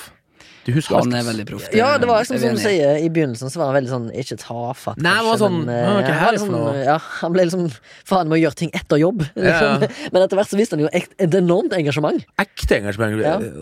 syns jeg. Ja, og det var jo Det, jo, det tror jeg på en måte Bendik kan vektlegge eh, funnene, da. Noe jævlig. Av, av at en sånn kanskje litt livslei Jørgen Amdal får noe sånt servert, og kan liksom Å, shit, nå kan jeg faktisk gjøre noe vettig. Eller ikke, ikke at hans jobb er vettig fra før det, det er han jo, men han får gjort noe spennende da som han brenner for, og da, kan han, Ja. da gjør han jo sikkert en ekstra innsats. Men det blir jo sånn Bendik sier at liksom Kill uh, conspiracy with på å si, uh, Fakta. fakta. Ja. Og liksom, det der er jo også fakta. Du kan jo si hva du vil, men han er jo en ekspert. Han har analysert det her, så jeg Det kan jo selvfølgelig være pluss-minus eh, 500 tonn, det er jo ikke noe, men altså, noe har jo truffet der. Og så tenker jeg sånn, ok, han har sikkert truffet bunnen, da. Men så har de til og med gjort sånne skann. Det er ikke noe stein der. Nei. Det er leire og leirelag. Og det var så kult! Og da han, han, han forklarte liksom at båten liksom har blitt dekt med den der betongen da, for å skjule hullet. Sånn. Ja, men han det jo litt- trilla over, liksom. Ja, det er jo litt sånn, i et hull, eh, hvis det lov å si. Og det er jo nesten poetisk, Ja, fordi det er det. sannheten skal fram. Ja, ja. Måte, hvis du skjønner det er i fall, da, Med tida som kommer, så kommer alltid sannheten fram. ja. Så jo mer tid som har gått, jo mer kommer det sannheten fram. Ja, det var bra. På en måte På grunn av segmentene i havbunnen, så vil jo Leira, ja. Estonen, ja, leira Det jo Leira som vil jo bevege på seg, sant? Det er jo det som er greia her. Han det har beveget seg mange grader. Eh, altså liket, holdt jeg på å si. Hva heter det? Skroget. Skroget. Vrake. Vraket. Båtlike. Båtlike. Ja, vraket har bevega seg, og så er det jo usikkert fortsatt eh, om hullet kan ha vært synlig eh, tidligere. Men eh, det, vi har i hvert fall dokumentert at det har bevega seg litt, siden det ligger på det, som du sier, veldig myk, eh, myk leirebunn. Og vi, når vi fant dette hullet eh, for ja, over et år siden, vi har jo sittet på denne dette funnet i over et år, som har vært eh, en eh, prøvelse. Ja. Hvor mange men backups ble tatt med en gang dere kom i land? det var mange. Det var mange. Vi hadde vel eh, Jeg husker jeg kjørte bil hjemme med én backup, det var noen som tok fly. Vi hadde Ja, ja, var, umiddelbart mange kopier. Så, Give me your backup. så vi var spesielt etter denne, denne trusselen mot, med beslaglegging, så var vi jo selvfølgelig vare på å passe på materialet vårt. Ja. Um, og, men så hele tida fra vi fant, gjorde funnet, så var det jo viktig for oss å For vi visste jo ikke hva vi så, på en måte. Nei. Vi hadde jo en ekspert ute på havet der, men vi som på en måte journalister og dokumentarister var jo ikke, er jo ikke noen eksperter, så det var jo viktig for oss å koble på riktig fagekspertise for å skjønne hva det her var, og hva det kan bety, og hva implikasjonene det var, og det er jo liksom det vi prøver å redegjøre for i dokumentaren. da Rene fakta, hva er det dette her kan fortelle oss? Og da er jo Jørgen Namdal på NTNU en uh, veldig fin fyr å spørre om sånne ting. Ja, men eh, hvordan- på hvilken måte graderer dere hans kunnskap? Eller hvor- hvordan vet dere han, hvis jeg bruker et engelsk uttrykk? Nei, hvordan kom vi frem til han? Altså, det- han er jo en av eh, Norges aller fremste eksperter på feltet. Som Ok. handler om både å analysere skader på skip, hvor har skip kollidert med hverandre, hvordan har det her skjedd. Så han har jo gjort type på en måte skadeanalyse på mange tidligere tilfeller. Så vi hørte vel litt rundt da hvem er liksom marinteknikkekspert i Norge, og da var det Jørgen Amdal sitt navn som, som dukka opp. Og han har jo også hatt med seg sine, både sine stipendiater og andre kolleger i på en måte diskusjonen eh, rundt det her, da. Så vi er veldig glad for at han har eh, tatt eh, våre funn på så på alvor og lagt ned så mye arbeid for å virkelig komme så langt han kan komme med den dataen vi har nå. Vi må jo understreke at vår undersøkelse var jo på en måte ikke som en myndighetsundersøkelse. Ja. Mye mindre ressurser, mye Ja. mindre teknikk osv. Og, så og vi måtte jo gjøre det under også et visst eh, press fra myndighetene, som vi tidligere har snakka om. Eh, så ut ifra de dataene vi eh, klarte å samle inn på den korte tida vi var der, så klarte jo også Jørgen å få ut noen datapunkter som vi viser fram i dokumentaren. Og det syns vi er veldig viktig at noen ser på videre, da. Mm. Eh, Kan jeg spørre et spørsmål som kanskje er litt urelatert, men det er jo en god del Eller når jeg sier god del, det er iallfall noen norske ofre her. Når det spesielt intervjuer dere en far som mista sønnen sin, men det finnes jo andre. Hvordan er det Norge, eller norske myndigheter, forholder seg til dokumentaren? Har dere fått noe tilbakemelding? Kan jeg spørre om det? Nei, altså Det er jo som du sier, at det her er jo Er har alltid vært en sak som er jo primært et nasjonalt traume for de mest ramma landene, som er både Sverige men, eh, og Estland, selvfølgelig, men også Finland. Mm. Og i Norge er det jo eh, var det jo ni passasjerer med. Seks eh, omkommet, tre overlev. Og eh, vi har jo da en av disse pårørende med i Mm. serien, som er Harald, som har mistet sin sin sønn, og som i alle år etter det har eh, kjempet for at Og det var en unge. Det var en seksåring, eller noe? mm, Ja. ja. han var seks eller sju år. Seks Seks, seks og et halvt, Ja. tror jeg han var. Ja. Um, og Harald har jo i alle år kjempa for at han skal, nummer én, få tilbake sønnen sin. Mm. Han har jo en gravplass oppe i Selbu der det ikke er noen Gjennom. levninger, Mm. og det er jo en stor sorg for Harald. Og um, han håper jo også at alle svar skal komme fram om hva som faktisk skjedde. Mm. Og nå vet ikke vi hvilke liksom, eksakte tiltak norske myndigheter satte inn. Det var jo en ganske eh, på en måte lite omfang i Norge, da. Eh, kontra det som skjedde i Sverige og Estland. Så, så, um, så hvilke liksom Jeg tror ikke det var en stor offisiell respons fra norske myndigheter verken da eller nå, da. Mm. Det er jo en sak som angår først og fremst som sagt Sverige, Finland, Estland, som har på en måte makt til å gjøre nye undersøkelser og bevege denne saken videre. Og vi, eh, jeg tenker jo at mange som bor i Norge, sikkert også tenker Blande Estonia kanskje litt med Scandinavian Star. Mm. Scandinavian Star er denne store på en måte båtrelaterte katastrofen i vår, vår eh, nyere tid. Mm. Eh, men for meg, da, som også hadde hørt om eh, Scandinavian Star, og er jo født 93, så jeg hadde jo liksom ikke var ikke i bevisst tilstand holdt på å si, på det tidspunktet, Mm. var det utrolig å høre om Estonia som skjedde bare litt unna, Mm. som også i nyere tid, eller altså 94, da, som hvor 852 mennesker dør. Det er jo et tall som er helt ufattelig. Mm. Eh, 500 svensker, over 300 estere dør jo på én natt. Som er Man kan jo tenke hvordan vi sjøl opplevde eh, for eksempel 22. juli. Eh, Eller Alexander Kielland. ikke sant? Eller Alexander Kielland, der eh, i hvert fall mennesker i visse områder eh, Der var det veldig kort vei mellom de pårørende. Mm. Man kjente noen som kjente noen. Det er ganske kort uh, link før man skjønte at man var berørt. da Mm. Og da kan man jo bare tenke seg hvordan det var i Sverige og Estland etter det her, at nesten alle var ramma. Og det her er jo et nasjonalt traume, og derfor har det jo også en utrolig uh, traumatiserende effekt på et helt land. Ikke bare dem som er direkte berørt, men, og derfor er det jo selvfølgelig eh, vanskelig sikkert og, og for mange, spesielt i pårørende, at dette her tas opp igjen og diskuteres, men jeg tror det er også godt for mange. Ja. At eh, deres bekymringer og deres eh, eh, spørsmål blir hørt. Og vi håper at liksom det kan bli sett nærmere på, også at den- det her på et eller annet vis kan føre til at de pårørende får mer ro og får uh, sørge i Ja, ikke fred. sant, for nå har man fått litt distanse.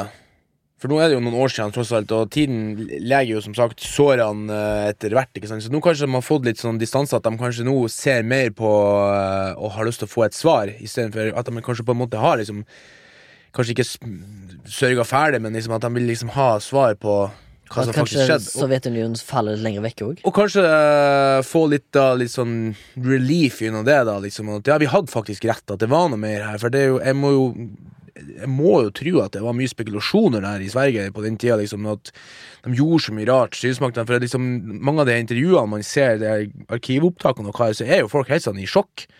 Det var liksom aldri noen som hørte om at han hadde dekket en båt i betong. Og, og Ja, så- det var så- men det sånn var bare det var halvveis. Det ble jo avbrutt. Ja, ja. Betonggreiene skulle jo egentlig dekke hele driten. Ja, det var jo for at de, folket nekta det. Ikke sant? Skulle faen ikke begrave mine etterkomminger i betong. Mm. Og det var helt, det har jeg aldri hørt om før. Liksom. Nei, det var vel ikke blitt gjort noen plass. For jeg var jo ja. 13 år når det her skjedde, ikke sant? men jeg må jo innrømme at jeg lærte jo alt nesten jeg kunne om det her gjennom deres dokumentarer. Som var, og det var også, Dere har liksom med kjernegreia, ikke sant? og det er jo viktig. Ja, for jeg husker, jeg husker nyhetsoppslagene som åtteåring sjøl. Eh, og jeg mener liksom Plutselig så dukker Estonia opp igjen på, i feeden med, med denne dokumentaren. Jeg tenkte bare sånn, faen, Den har jeg glemt ut. Og det føler jeg det kom liksom jeg føler, jeg, Men jeg føler den, den der skyggeleggingen av saken har vært med vilje, da.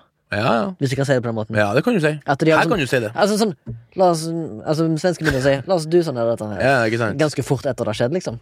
Fordi Ja, og bare for å kommentere på det du sa, Morten, det med sorg og, og stille spørsmål etter mange år, da. Jeg tror det er todelt. Jeg tror det er en del av de som var involvert, både overlevende og pårørende, som har spilt, stilt spørsmål fra første dag, og opplevd at de i 26 år har liksom banka hodet litt mot veggen og ikke blitt hørt. Og det har jo vært en utrolig eh, belastning, og gjort at de ikke kunne sørge på normalt vis. Det har vært en ekstra belastning. Ikke bare mister du noen nær og kjær, men du må også føle at du ikke har tillit til den uh, etterforskningen som blir gjort. Så det er jo en dobbeltbelastning. Samtidig så er det jo også litt spesielt der nå som det er 26 år siden, så er det på en måte en, en ny generasjon som har kommet til. Det er mange, utrolig mange mennesker som mista foreldrene sine i ung alder når det her skjedde. Så mange av dem har blitt voksne, fått egne barn, og kanskje begynt å tenke nærmere på hva som Ja. egentlig skjedde med, med sine kjære foreldre, og da fått nye spørsmål som, som, eh, som de lurer på. da Så jeg tror da både har spørsmåla vokst opp etter hvert, men så har det også vært en, en, eh, en gruppe mennesker som på en måte har lurt og spurt i, i Ja. mange år. da Har dere Men- fått noen tilbakemeldinger fra noe land eller folk, eller Hadde, hadde, hadde, hadde det skapt noe debatt, liksom, for dere? Altså, det har absolutt skapt eh, debatt. Så jeg tror vi har eh, Vi har ikke full telling på det, men det har jo generert hundrevis av nyhetsartikler Ja, eh, over hele verden, spesielt da i, i Sverige og Estland, der det har gått en ekstremt stor debatt rundt det her nå. Og det som skjedde nesten umiddelbart etter premieren, var jo at utenriksministrene i Estland, Finland, Sverige går ut og sier at disse nye opplysningene må vi se nærmere på. Vi setter ned en granskning. Så nå er det jo en ny granskning eh, underveis av våre funn. mm. Og så må de bestemme da hva de skal gjøre med disse funnene. Skal de granske mer? Skal de dykke på nytt, som mange krever? Ehm, det er jo det som gjenstår å se, men det har absolutt vakt eh, debatt på øverste politiske nivå.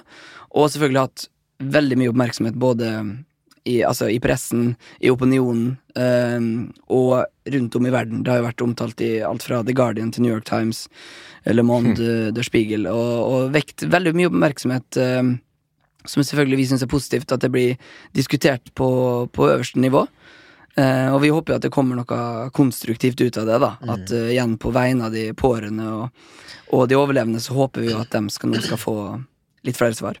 Men ikke for å være pessimistisk, men det var jo en god del år etterpå, spesielt i Sverige, at de pårørende prøvde å få gjennomslag for nye granskninger og bla, bla, bla, basert på funn et par år etterpå, eller andre opplysninger som kom i tillegg.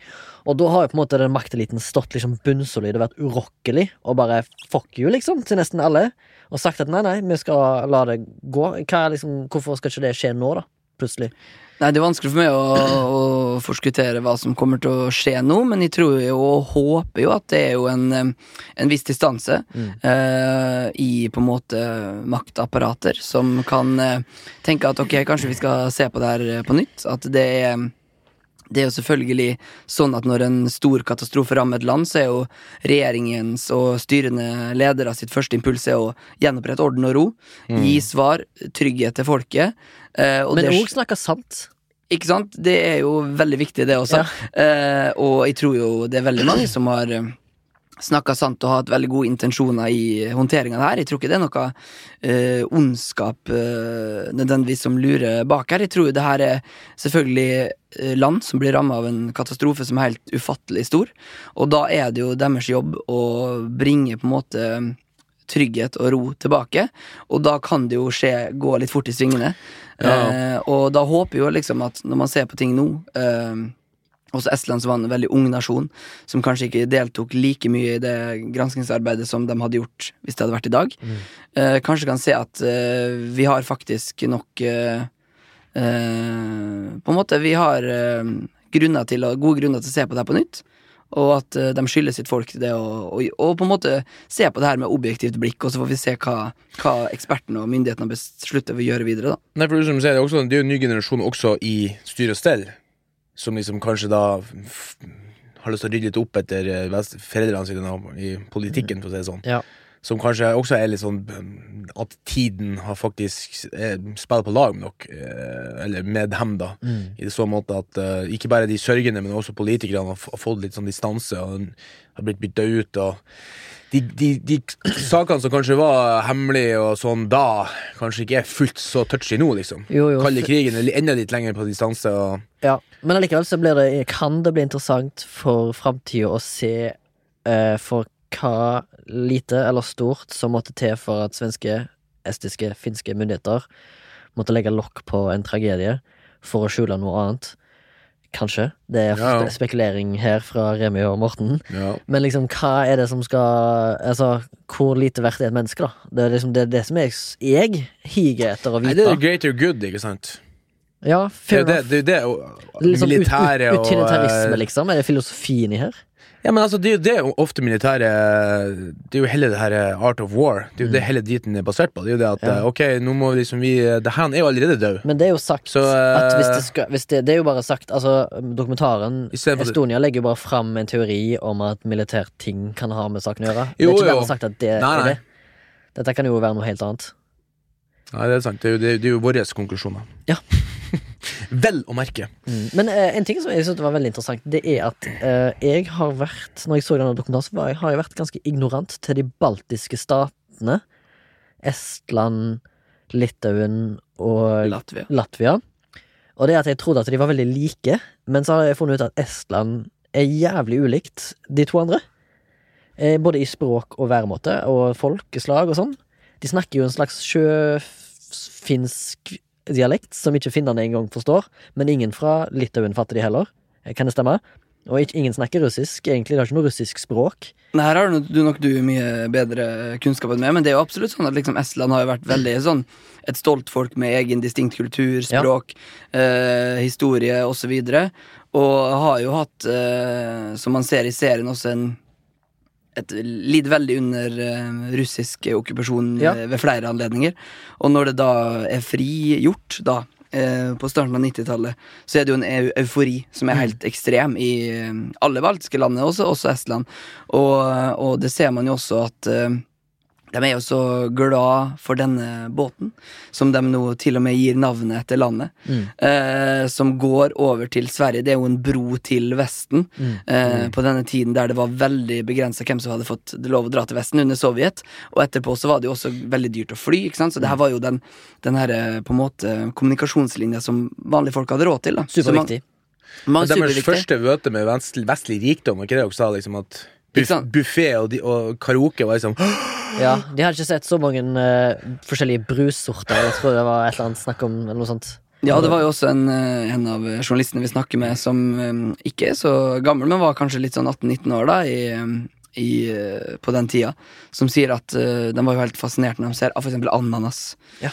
i uh, buffeen på, på, på båten, og forteller også om disse Altså Han så disse fantastiske leikerommene. At det var liksom eh, Som han sier, da at liksom å tråkke inn på Estonia var som å tråkke inn i Vesten. Det var å tråkke inn i det kapitalistiske samfunnet. Og det var jo en eh, fantastisk eh, spennende opplevelse for mange. Og mange håpte jo på at de også kunne kanskje reise over og starte en ny karriere eller bli oppdaga. Det var jo eh, mange muligheter knytta til den båten. Mye håp som knytta til den båten begge veier, og mye business som kom andre veien til eh, til Estland. Så det var jo en slags sånn forbrødring i den her havlenken mellom eh, folkene i Estland og Sverige. Derfor var det jo desto mer tragisk og grusomt eh, og nådeløst når denne båten med landets navn synker og tar med seg så mange mennesker fra begge nasjoner, eh, som den gjør, da. Og i Ja, det er tillegg blir det sånn altså. verdensnyhet. Det er dobbelt uh, trist. Det er dobbelt trist, ja.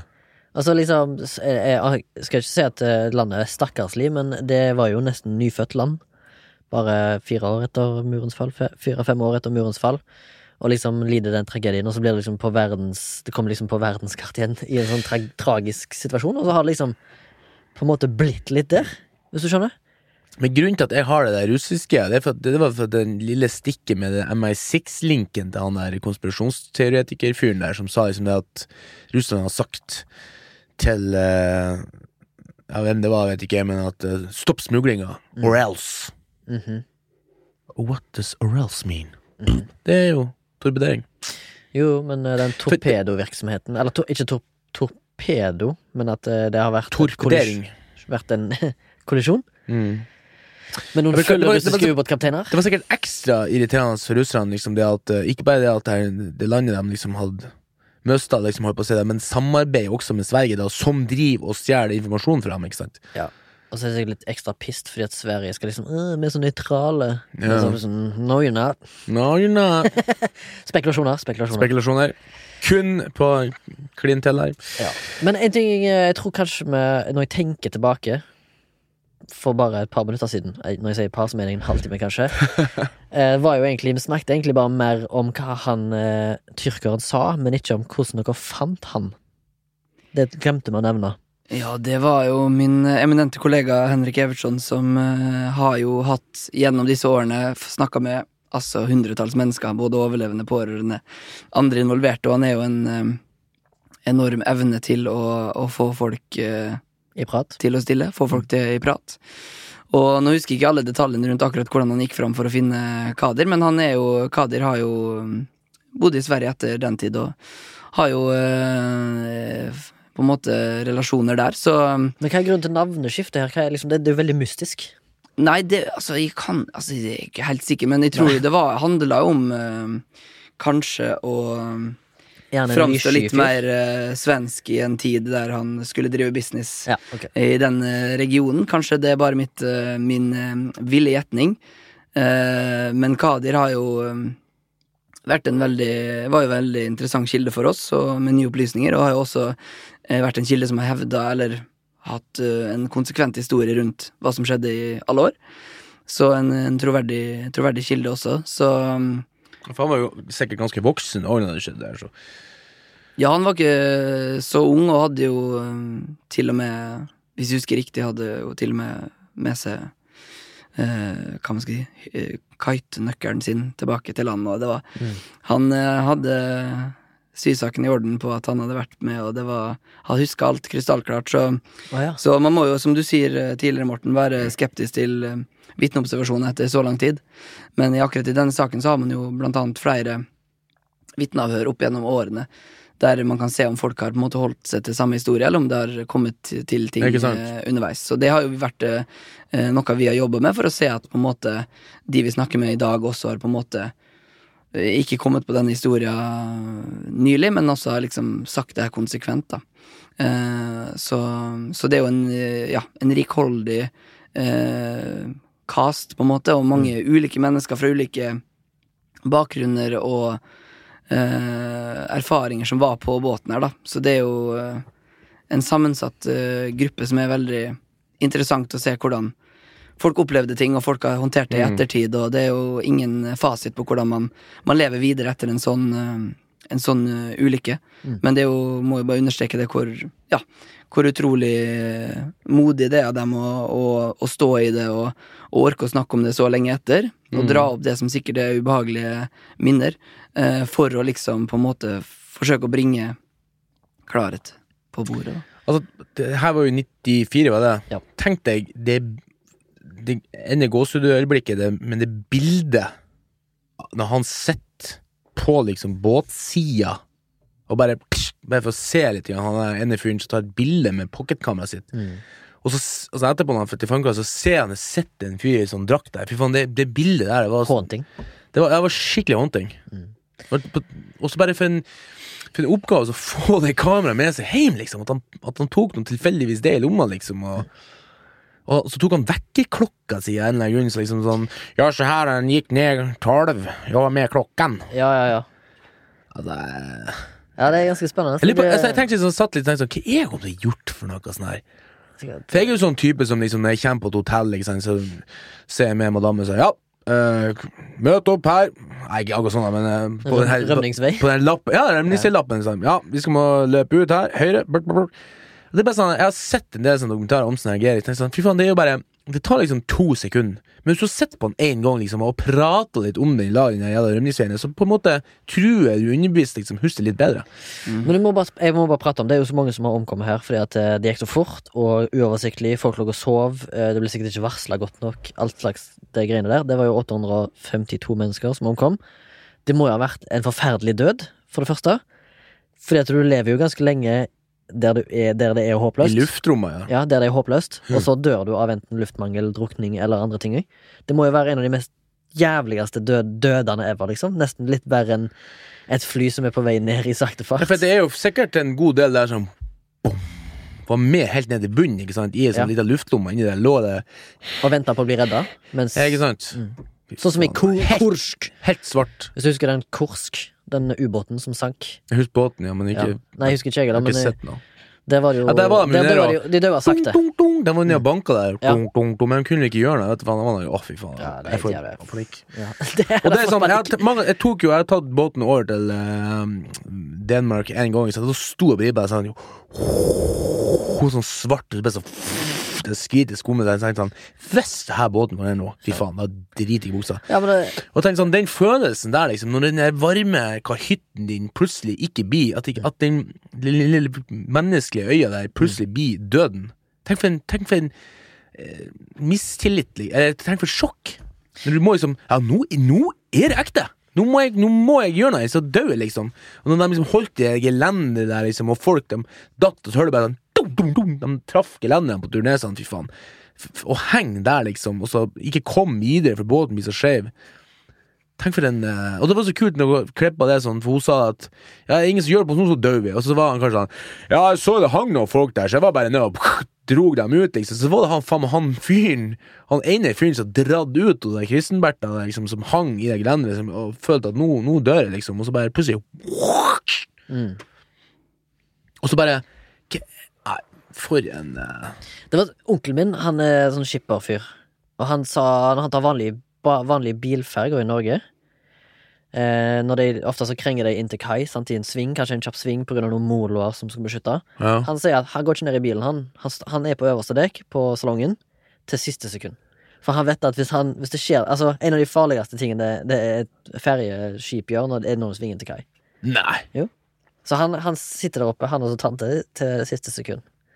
Så det er liksom det minste tida de har igjen på å gå ned til Julie. Note skal jeg skrive her sist Og det er spesielt på Vestlandet, da. Men eh, det har jo ikke skjedd noe ennå. Men han sier hvis det skjer noe, da, så er det omtrent eh, Det er liksom døden, det. Hvis du er der nede i bilen din.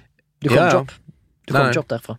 Det er litt interessant at denne her, båten her, synes jeg, det der er fyrene i styrhuset som så på det TV-kameraet, liksom, som ikke har blitt intervjua, som så at den jævla porten var oppe. At han ikke var nede, sånn som liksom og, åh, Jeg fikk sånn her Jeg fikk Er det menneskelig feil, det greiene der, eller er det mekanisk At den datt av? Ja. Er det bare human error? ja, Det tyske verftet sa at han måtte ha blitt sprengt av. Og de var jo supereksperter, dem òg. Ja, det har vært mange eksperter involvert her i årenes eh, løp, men eh, den offisielle havarikommisjonen eh, hevder jo at denne Dette det? visiret, baugvisiret, baugporten, som kanskje var et nytt ord mange lærte seg etter eh, forliset eller serien, eh, er jo sånn at dette eh, ja, dette visiret da som man kan åpne og lukke når man skal kjøre biler på og av, eh, det var rett og slett for på en måte dårlig dimensjonert for den krafta, altså de bølgene og den været, været, været påførte den, da, og da under dette denne høstnatta i 94 så blir påkjenningene for store, og de slås på en måte av, da. Um, og da gikk jo på en måte uh, Hva man skal si Beskyldningene, eller uh, Det pektes jo på, uh, på verftet. Ja. At disse eh, låsemekanismene som var på en måte underdimensjonert. Mm. Og så har det jo vært mange teorier om at ja, men skulle egentlig denne båten ha vært satt i sånn trafikk, ville den tåle alle påkjenninger den skulle møte på sin vei ute på åpent hav? Selv om det er Østersjøen, så er det jo harde høststormer og, og mye påkjenning. Men, og mange har jo snakket at det her var en enorm storm som skjedde denne natta. Men det er jo ikke akkurat tilfellet. Det er ikke så stor eh, altså vindstyrke som man eh, kanskje har fått inntrykk av. Og i hvert fall for oss som kom fra Vestland og tatt mye Hurtigruta, så er det jo ikke noe som ikke Hurtigruta har vært eh, ute i før. Så det er jo på en måte eh, kanskje ikke en helgod forklaring at, eh, at på en måte været skulle være så på en måte ekstremvær, da. Eh, man ser jo disse redningsbildene på morgenen da det er ganske mye bølger og, og vind, og da har det faktisk blåst opp i løpet av natta. Så når båten eh, i seg sjøl uh, forulykker, da, så er det på en måte ikke værforholdene så ekstreme, da. Men hvis man har et underdimensjonert uh, visir, hvem vet hva som kan skje, da. Det er kanskje Vichira var for tungt i forhold til festene og ble liksom slått av og sånn. Men det var har også den den båten vært i kommisjonen fra sånn 1970-tallet? Har ikke den blitt bygd på 70-tallet? Båten? Jo, nå har jeg ikke årstallet i hodet, men ja, den er jo øhm, bygd altså, slutten av 70-tallet, tidlig 80-tall. Ja. Den har i hvert fall vært i drift ja, 10-15 år omtrent, Mm. tror jeg, eh, når det her skjer. Kanskje litt mer, og den er ikke eksepsjonelt liksom, gammel eller slitt Nei, nei. til å være eh, sånn aldersmessig. da Og så har det vært spørs stilt spørsmål ved vedlikehold, da, hvordan den er har blitt vedlikehold og, og på en måte fiksa på. da og der har det jo vært eh, eh, På en måte stilt noen spørsmål men det som er spesielt med med havarirapporten eh, og etterspillet, er jo at det er ikke sånn tydelig helt hvem som har skyld i det her, da. Mm. Det pekes noen eh, fingre litt mot uh, verftet, kanskje de har bygd litt for dårlig visir, kanskje noen som skulle klassifisere dette selskapet, har gitt dem litt flere klassifiseringer, kanskje det har vært litt dårlig vedlikehold, ja, sånn og så videre og så videre. Kanskje har det, de kjørt litt for fort i stormen. Mm. Eh, Så det er jo eh, på en måte ingen entydig forklaring på hvem som har uh, forårsaka det her, og det nødvendigvis ikke trenger å være det, for i sånne store ulykker så er det ofte flere ting som spiller inn samtidig. Ja. At når det går skikkelig gærent, så er det ikke bare én ting som går galt, da går også mange ting galt samtidig. Jo, jo. Uh, og det er jo derfor vi tenker at uh, det også er verdt å se på alle nye bevis med uh, et objektivt blikk. Fordi at alle Vi tenker at nye ting er verdt å se på fordi at det kan ha vært en del av en rekke hendelser. da Det er ikke sånn at på en måte vårt eh, funn nødvendigvis annullerer uh, visiret. Nei, nei, nei. Men jeg tenker at ting, flere ting kan spille sammen, og derfor er det viktig å liksom ikke uh, låse seg helt til én ting, og, og ikke være åpen for at andre ting også kan ha vært delaktig i det som var en utrolig eh, hurtig synkeforløp, da. Eh, I motsetning til mange andre båter samme type. Ja, det, er jo, det ser de jo faktisk at det er jo rekordraskt. På grunn av det at selv om at visiret datt av, og den porten der som eh, man egentlig ikke er sikker på For de sa at den måtte åpnes, da. Det var jo konklusjonen til uh, det Men det forklarer ikke krengingen i det hele tatt. Nei, ikke sant, for at de sier at uh, da kunne da, da, Den har kommet til å tatt inn mye vann, hadde den uh, hadde, hadde her dødd av. Men den har kommet til å flytte rundt som en dupp, og så den kommet til å henge der i Altså, den båten de snakker om, han- var, lå han ikke i uka opp ned for han sank til den ene karen. Den andre Jo, de peker jo på en båt som heter Janne Velius, som var en eh, transportbåt av samme type som uh, Estonia, et såkalt row-row-fartøy, der man kan roll on og man kan roll off. ja, uh, på som er begge sider. faktisk. På begge sider, ikke sant, har lemmer på begge sider. eh, Som en bilferge man kjenner fra f.eks. Vestlandet. Eh, og denne Jan Velius uh, forulykker jo eh, litt før eh, Estonia, og da når den tipper og krenger og snurrer rundt. Da blir den jo liggende, som du sier, nærmest en uke opp ned før den eh, til slutt synker, da. Så mange har jo stilt spørsmål med hvorfor ikke, når Estonia først tok inn vann, legger seg på siden, hvorfor snurrer den ikke rundt og blir liggende og flyte på lufta som er i dekkene under bildekk? Mm. Um, og det har jo uh, ført til denne konspirasjonsteorien om at det skal være Et hull. et hull i båten som man ikke kjenner til. Som dere har avdekka. Som vi har avdekket. Selvfølgelig ett hull har vi avdekket. Om det er det hullet, eller hvor hva hullet har forårsaket eller vært bidratt til, det vet vi jo Det er veldig spennende, i hvert fall. Men eh, du snakket om at det skulle uh, ny rettssak, eller uh, det skulle tatt opp i Sverige i januar. Ja, altså nå er det to forskjellige prosesser som skjer primært. Det er jo en, på en måte en gransking av våre funn, som foregår eh, med de tre, kan man si, Største landet. statlige havarikommisjonene i de tre landene, altså Finland, Estland, Sverige. Der har de jo gått sammen, ekspertene der, for å se på våre funn og se hva skal vi gjøre med dette. Skal vi undersøke dette nærmere? Mhm. Separat så går det jo et løp der to av våre medarbeidere er tiltalt for å ha forbrutt mot denne gravfredsloven. Og der er det en rettssak som kommer opp i slutten av januar i Göteborg, der det skal avgjøres om de skal dømmes eller frikjennes for det. Vi nekter jo til å ha brutt denne loven, og vil jo legge fram våre argumenter i, i rettssaken da. Og det må jo også påpeke at det har jo vært eh, en del oppmerksomhet rundt også den delen av det i det siste, Mm. der norske nordiske presseorganisasjoner, også Reportere uten grenser i Paris, har gått ut med en protest. Der de protesterer mot at Sverige straffefølger journalister Ja. som er, gjør en journalistisk gjerning. Det er jo veldig totalitært. Det er veldig eh, russisk. Det er veldig i tråd med covid. Ellis Jeg er inne på det nå. da.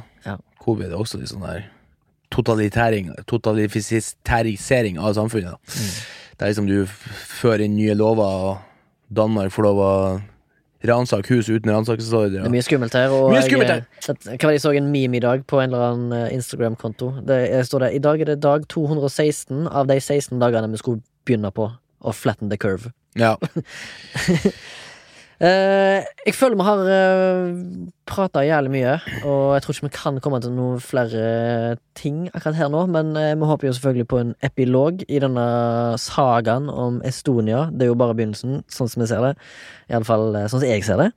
For at hvis dette Ja. fører til noe mer og videre granskning, så er det jo veldig spennende. Det blir også veldig spennende å følge med på rettssaken til Linus og Henrik i januar. Og forhåpentligvis, hvis det kommer noe mer nyheter eh, innenfor denne saken, kanskje vi kan tatt en sånn minisode, og så kan vi invitere deg tilbake, Bendik. Er du med på det, eller? Kommer gjerne tilbake. Yes. Og alle som vil se serien, må jo programforplikte Ja, ja. til å si, kan se den på Dplay. Vi har solgt den inn, og jeg tror det er tredje episoden vi selger inn. og det er helt gratis. Ja, Dplay er gratis. Nei, vi, at vi selger inn. Ja, ja. Det er gratis. Dplay. Vi er jungeltelegrafen. Jeg er 79 kroner i måneden, men det er, Det er du kan logge gratis. rett av. Det sånn, Ja. sånn. Det er Sånn er det blitt. Vi må logge A-log på. Det er mindre enn en halvliter på de fleste pubene i hele Oslo. Ja, faktisk. I måneden. Ikke på han eh, Åh, hva han het Vålerenga pub. Nei, det er bort Det er liksom Der. Du Det er mange steder som er Ja. dyrere Du halvliter enn det. Eller kanskje det er billigere? Det var det du mente? Ja. Mm, okay. Jeg hadde 63 kroner er til han, eh, han, eh, han søramerikaneren sør sør eh, han eh. Orlando. Orlando! 63 kroner der for en Ringnes. Ja, Ikke sant? Okay, Så da kan du velge en halvliter der, eller et Dplay. Og det får bli opp til lytteren. For det går ikke på, det går ikke på lineær-TV, eller på TV Norge eller noe? Det Det er kun streaming det går på, eller? Nå vet jeg ikke helt hva jeg kan si, men Nei. kan hende det kommer ganske snart. Hey, fett. På lineært. Så da kan man følge med på sitt uh, TV-boks hvis man ikke har Dplay. Ja, så for det mange kan det hende at det kommer ganske snart. Hei, det er jo hey. Du hører det her i Flashback. Uh, kan, jeg spør, kan jeg få spørre om en annen ting? Har seertallene vært gode? Du, det her eh, Om jeg hadde visst det, så hadde jeg ikke kunnet sagt det. Og jeg veit det heller ikke. Det her er jo eh, en eh, litt interessant lansering, da det er gått på Dplay exclusive Ja. på, i alle Nordens land. eh, i, uten å ha gått på lineær-TV så langt. Så der er det jo litt andre seertall, litt andre abonnentsting og tang. Men um, Discovery holder foreløpig det tette brystet. Jeg tror det går Så jeg, Jeg tror det er noen del kaker in internt Ja, jeg der, med tror noe det. Jeg tror det er flere med full- millions. Det er lille lørdag der hver dag på Discovery nå. Ja, Fy faen! Vi får håpe at uh, folk ser på det. Og så har de også hatt uh, premiere i Estland, som er jo en veldig viktig sted for oss Ja. å få den fram. Så vi er veldig spente på hvordan det går der òg. Der har jeg hørt rykter om at det vises én episode hver uke. okay. Og så går det et times debattprogram etter hver episode. Så det er Wow, veldig- Skikkelig bra engasjement. Mm, Håper folk tar til gatene og sier 'faen i helvete, folk'! We need the truth. Nå skal vi over til kanskje det som er litt kjedeligere enn det man snakket om. Nei, det kan hende at det blir bra allikevel. Under radaren. Eh, Morten, forklar konseptet til både gjest og lytter. Eh, under radaren er et segment vi valgte å slenge på der for å På belyse På slutten, ja. Litt sånn gulrot der for at folk skal gidde å høre gjennom. Nei, det vi belyser et eller annet audiovisuelt jeg kan være Vi har hatt både film og teater og TV, TV, og gud vet hva, som vi føler liksom har fått litt lite oppmerksomhet. Eller kanskje folk har glemt litt bort. Det kan være gamle ting. Vi har snakka om Leon, til og med. Ja, Leon er en ganske populær, svær film, men han er litt, kanskje litt glemt. Og noen ganger har jeg sett liksom og skimme gjennom liksom, Netflix, HBO, NRK, TV2 og Dplay. Det er så mange liksom at jeg, jeg føler liksom at her er det nok ting jeg går glipp av. Jeg klarer liksom ikke å konsumere alt. Så liksom derfor så vi tenker vi at vi skal liksom fisse litt med Ja. ting vi har sett. Altså, Min, minner folk på kanskje å se noe nytt. Så ikke, så ikke alle sammen ser The Boys og, og Og si en annen ting. 13 Reasons Why. Jeg ser ikke på så mye, så jeg husker Nei, ikke. Jeg, Jeg ser bare YouTube. Men eh, vi har vel egentlig gitt litt ansvar til gjest å finne Ja, en hvis ting han- som kan ses. Er du klar for det, eller? Jeg er klar Ja. som et egg. Og jeg kom jo ned eh, over her i dag, var det jo en veldig regnfull dag. Eh, og siden eh, vi også har snakka litt om Estonia, litt Sverige Vi skal holde oss i Sverige. Jaha. Eh, vi skal holde oss i dokumentarens verden, Nettopp. men vi skal litt opp fra havets bunn og litt inn i litt varmere, varmere trakter. Eh, og jeg tenker det her er en perfekt dokumentar å kose seg med i en høstmørk eh, kveld. Okay. Eh, og det er en dokumentar som på svensk har en veldig god tittel som heter Paring.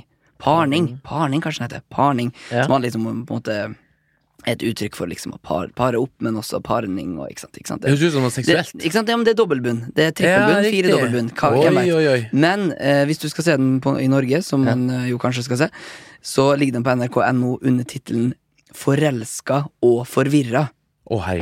Og der, er Det det, der kommer under radaren-aspektet inn. Okay. For jeg tenker at folk ser den tittelen, og den ser at den ligger på NRK. Ser de nei, tenker de, det gidder vi ikke å se. Ja, ikke sant? Ja, ja. Men Jeg er for gammel til å se Skam, tenkte ja. Ikke sant? Og det her er derimot, bak denne litt døve tittelen, så skjuler seg en fantastisk dokumentar. Som er lagd av en svensk eh, regissør, der hun rett og slett har ville forske på hvordan unge dater. Ja. Eh, unge nå til dags. Hvordan møter de hverandre? Hvordan er kjærligheten i this digital age? Og det hun gjør da, utenfor å røpe for mye, er at hun eh, vil eh, rekruttere noen unge. Hun skal aldri møte dem, hun skal bare kommunisere via webkamera og telefonen med dem. Okay. Og så skal de dokumentere sjøl med sine iPhones og sine webkamera og alt sånt her, sine egne kjærlighetseskapader. Og så begynner den eh, ganske greit. Det er et smart premiss det er for å skjønne hvordan unge forholder seg til kjærlighet. Men det som skjer, eh, som er liksom inciting incident, er det ikke det det heter? Jo, jo, jo. Eh, er jo at Vesterås. eh, to av disse som får ut disse webkameraene, skal være deltakere. da Det skjer, Hun er henne som får et webprogram, hun klarer ikke å fikse det helt. Så da må hun regissøren Ok, kan du, andre deltaker, deltaker nummer to, kan du gå bort til deltaker nummer én og hjelpe henne med dette webkameraet, så vi får kommet i gang med denne dokumentaren? Og derfra Oppstår går magi? Derfra går det. Og det er Wow. altså en så varm og klok eh, dokumentar om kjærlighet. Eh, også trist og lei og alt som kjærlighet er. Men jeg må bare berømme de her to hovedpersonene, som er mye yngre enn meg, og fantastisk åpne om følelser som vi alle har følt på. Om tvil, om kjærlighet, om usikkerhet. Og det er bare en eh, på en måte en eh, hjertevarm eh, pille av bombe og alt som er bra, av en dokumentar. Som jeg må bare si at den var satt lenge i meg. Så den eh, kan man klamre seg til hvis man er litt ensom i dette høstmørket. Strålende under radaren, det. Det var vel egentlig en høydere for mange. Vi har jo hatt et Ja. par eh, litt sånn lugubre tidligere, men den var jo absolutt nytt. Jeg noterte den ned. Skal skrive den ned og ha det med i shownotes. Legge til en link det er på dokumentar nett-TV, sant. Så legger til en link der, så kan dere gå rett inn. Ikke la dere bli forvirra av forelska og forvirra. Eh, vi kan vel først og fremst eh, takke Bendik for at du stilte opp som gjest. Snakket om store prosjekter i Estonia. Tusen takk for at jeg fikk komme. Takk til Morten, som har vært her i dag. Takk skal du ha, Remi. Takk til meg sjøl, som har vært her. Eh, takk til Sondre, som har vært produsent på denne episoden. Og Soundtank eh, på generelt plan. Eh, hvis du ønsker å komme i kontakt med oss, kan du sende en mail til flashback at soundtank.no. Kom med hva som helst. Eh, hva vil vi høre av lytteren, Morten? Eh, ris og. Ris og ros? Eh, spørsmål. Spørsmål og svar? Spørsmål og svar. Ja. Nei, spørsmål. Eller eventuelt tematikk vi kan ta opp. Eh, eller eh, kanskje òg tips til gjester vi kan invitere. Ja. Eh, den slags. Hva vil du høre? Hva vil du høre? Vi har allerede fått en del. Eh, skal selvfølgelig ta opp det etter hvert. Noe mer? Jo, vi har en Instagram. Flashback Podcast. Det er enklest å ta kontakt, egentlig. Der legger vi ut noen bilder noen snippets. Vi tar òg et bilde etterpå nå, så alle får se hvordan Bendik ser ut. Eh, Sånn at han blir jakta på av svenske myndigheter. Nei da, det var Du kan ha sånn svart sladd. ja. Dun, dun, dun. eh, Da har jeg vel sagt alt. Jeg er ikke som regel eh, f eh, programleder, men jeg tror jeg dekker meg da. Eh, Vips. Vips, ja! Hvis du har Hvis du har, har noen grunker til overs, vi gjør dette her gratis. en øl eller en halvtime sending. Eller Dplay-abonnement. Eller Dplay-abonnement. Ja. Hvis du vippser Dplay-abonnement, så Skal vi fortsette å se og forklare dere? Ja, selvfølgelig. Men uansett, vi er på Vips Eh, Der søker du opp Soundtank. Der er det to podkaster. Det er for CD Milf, og du har Flashback. Eh, så hvis du kan avsende noen penger, så er det fett. Hvis det ikke, lik del. Lik, lytt og del. Lik, lik lytt og del. Det er det feteste. Ha det. Ha det. Ha det.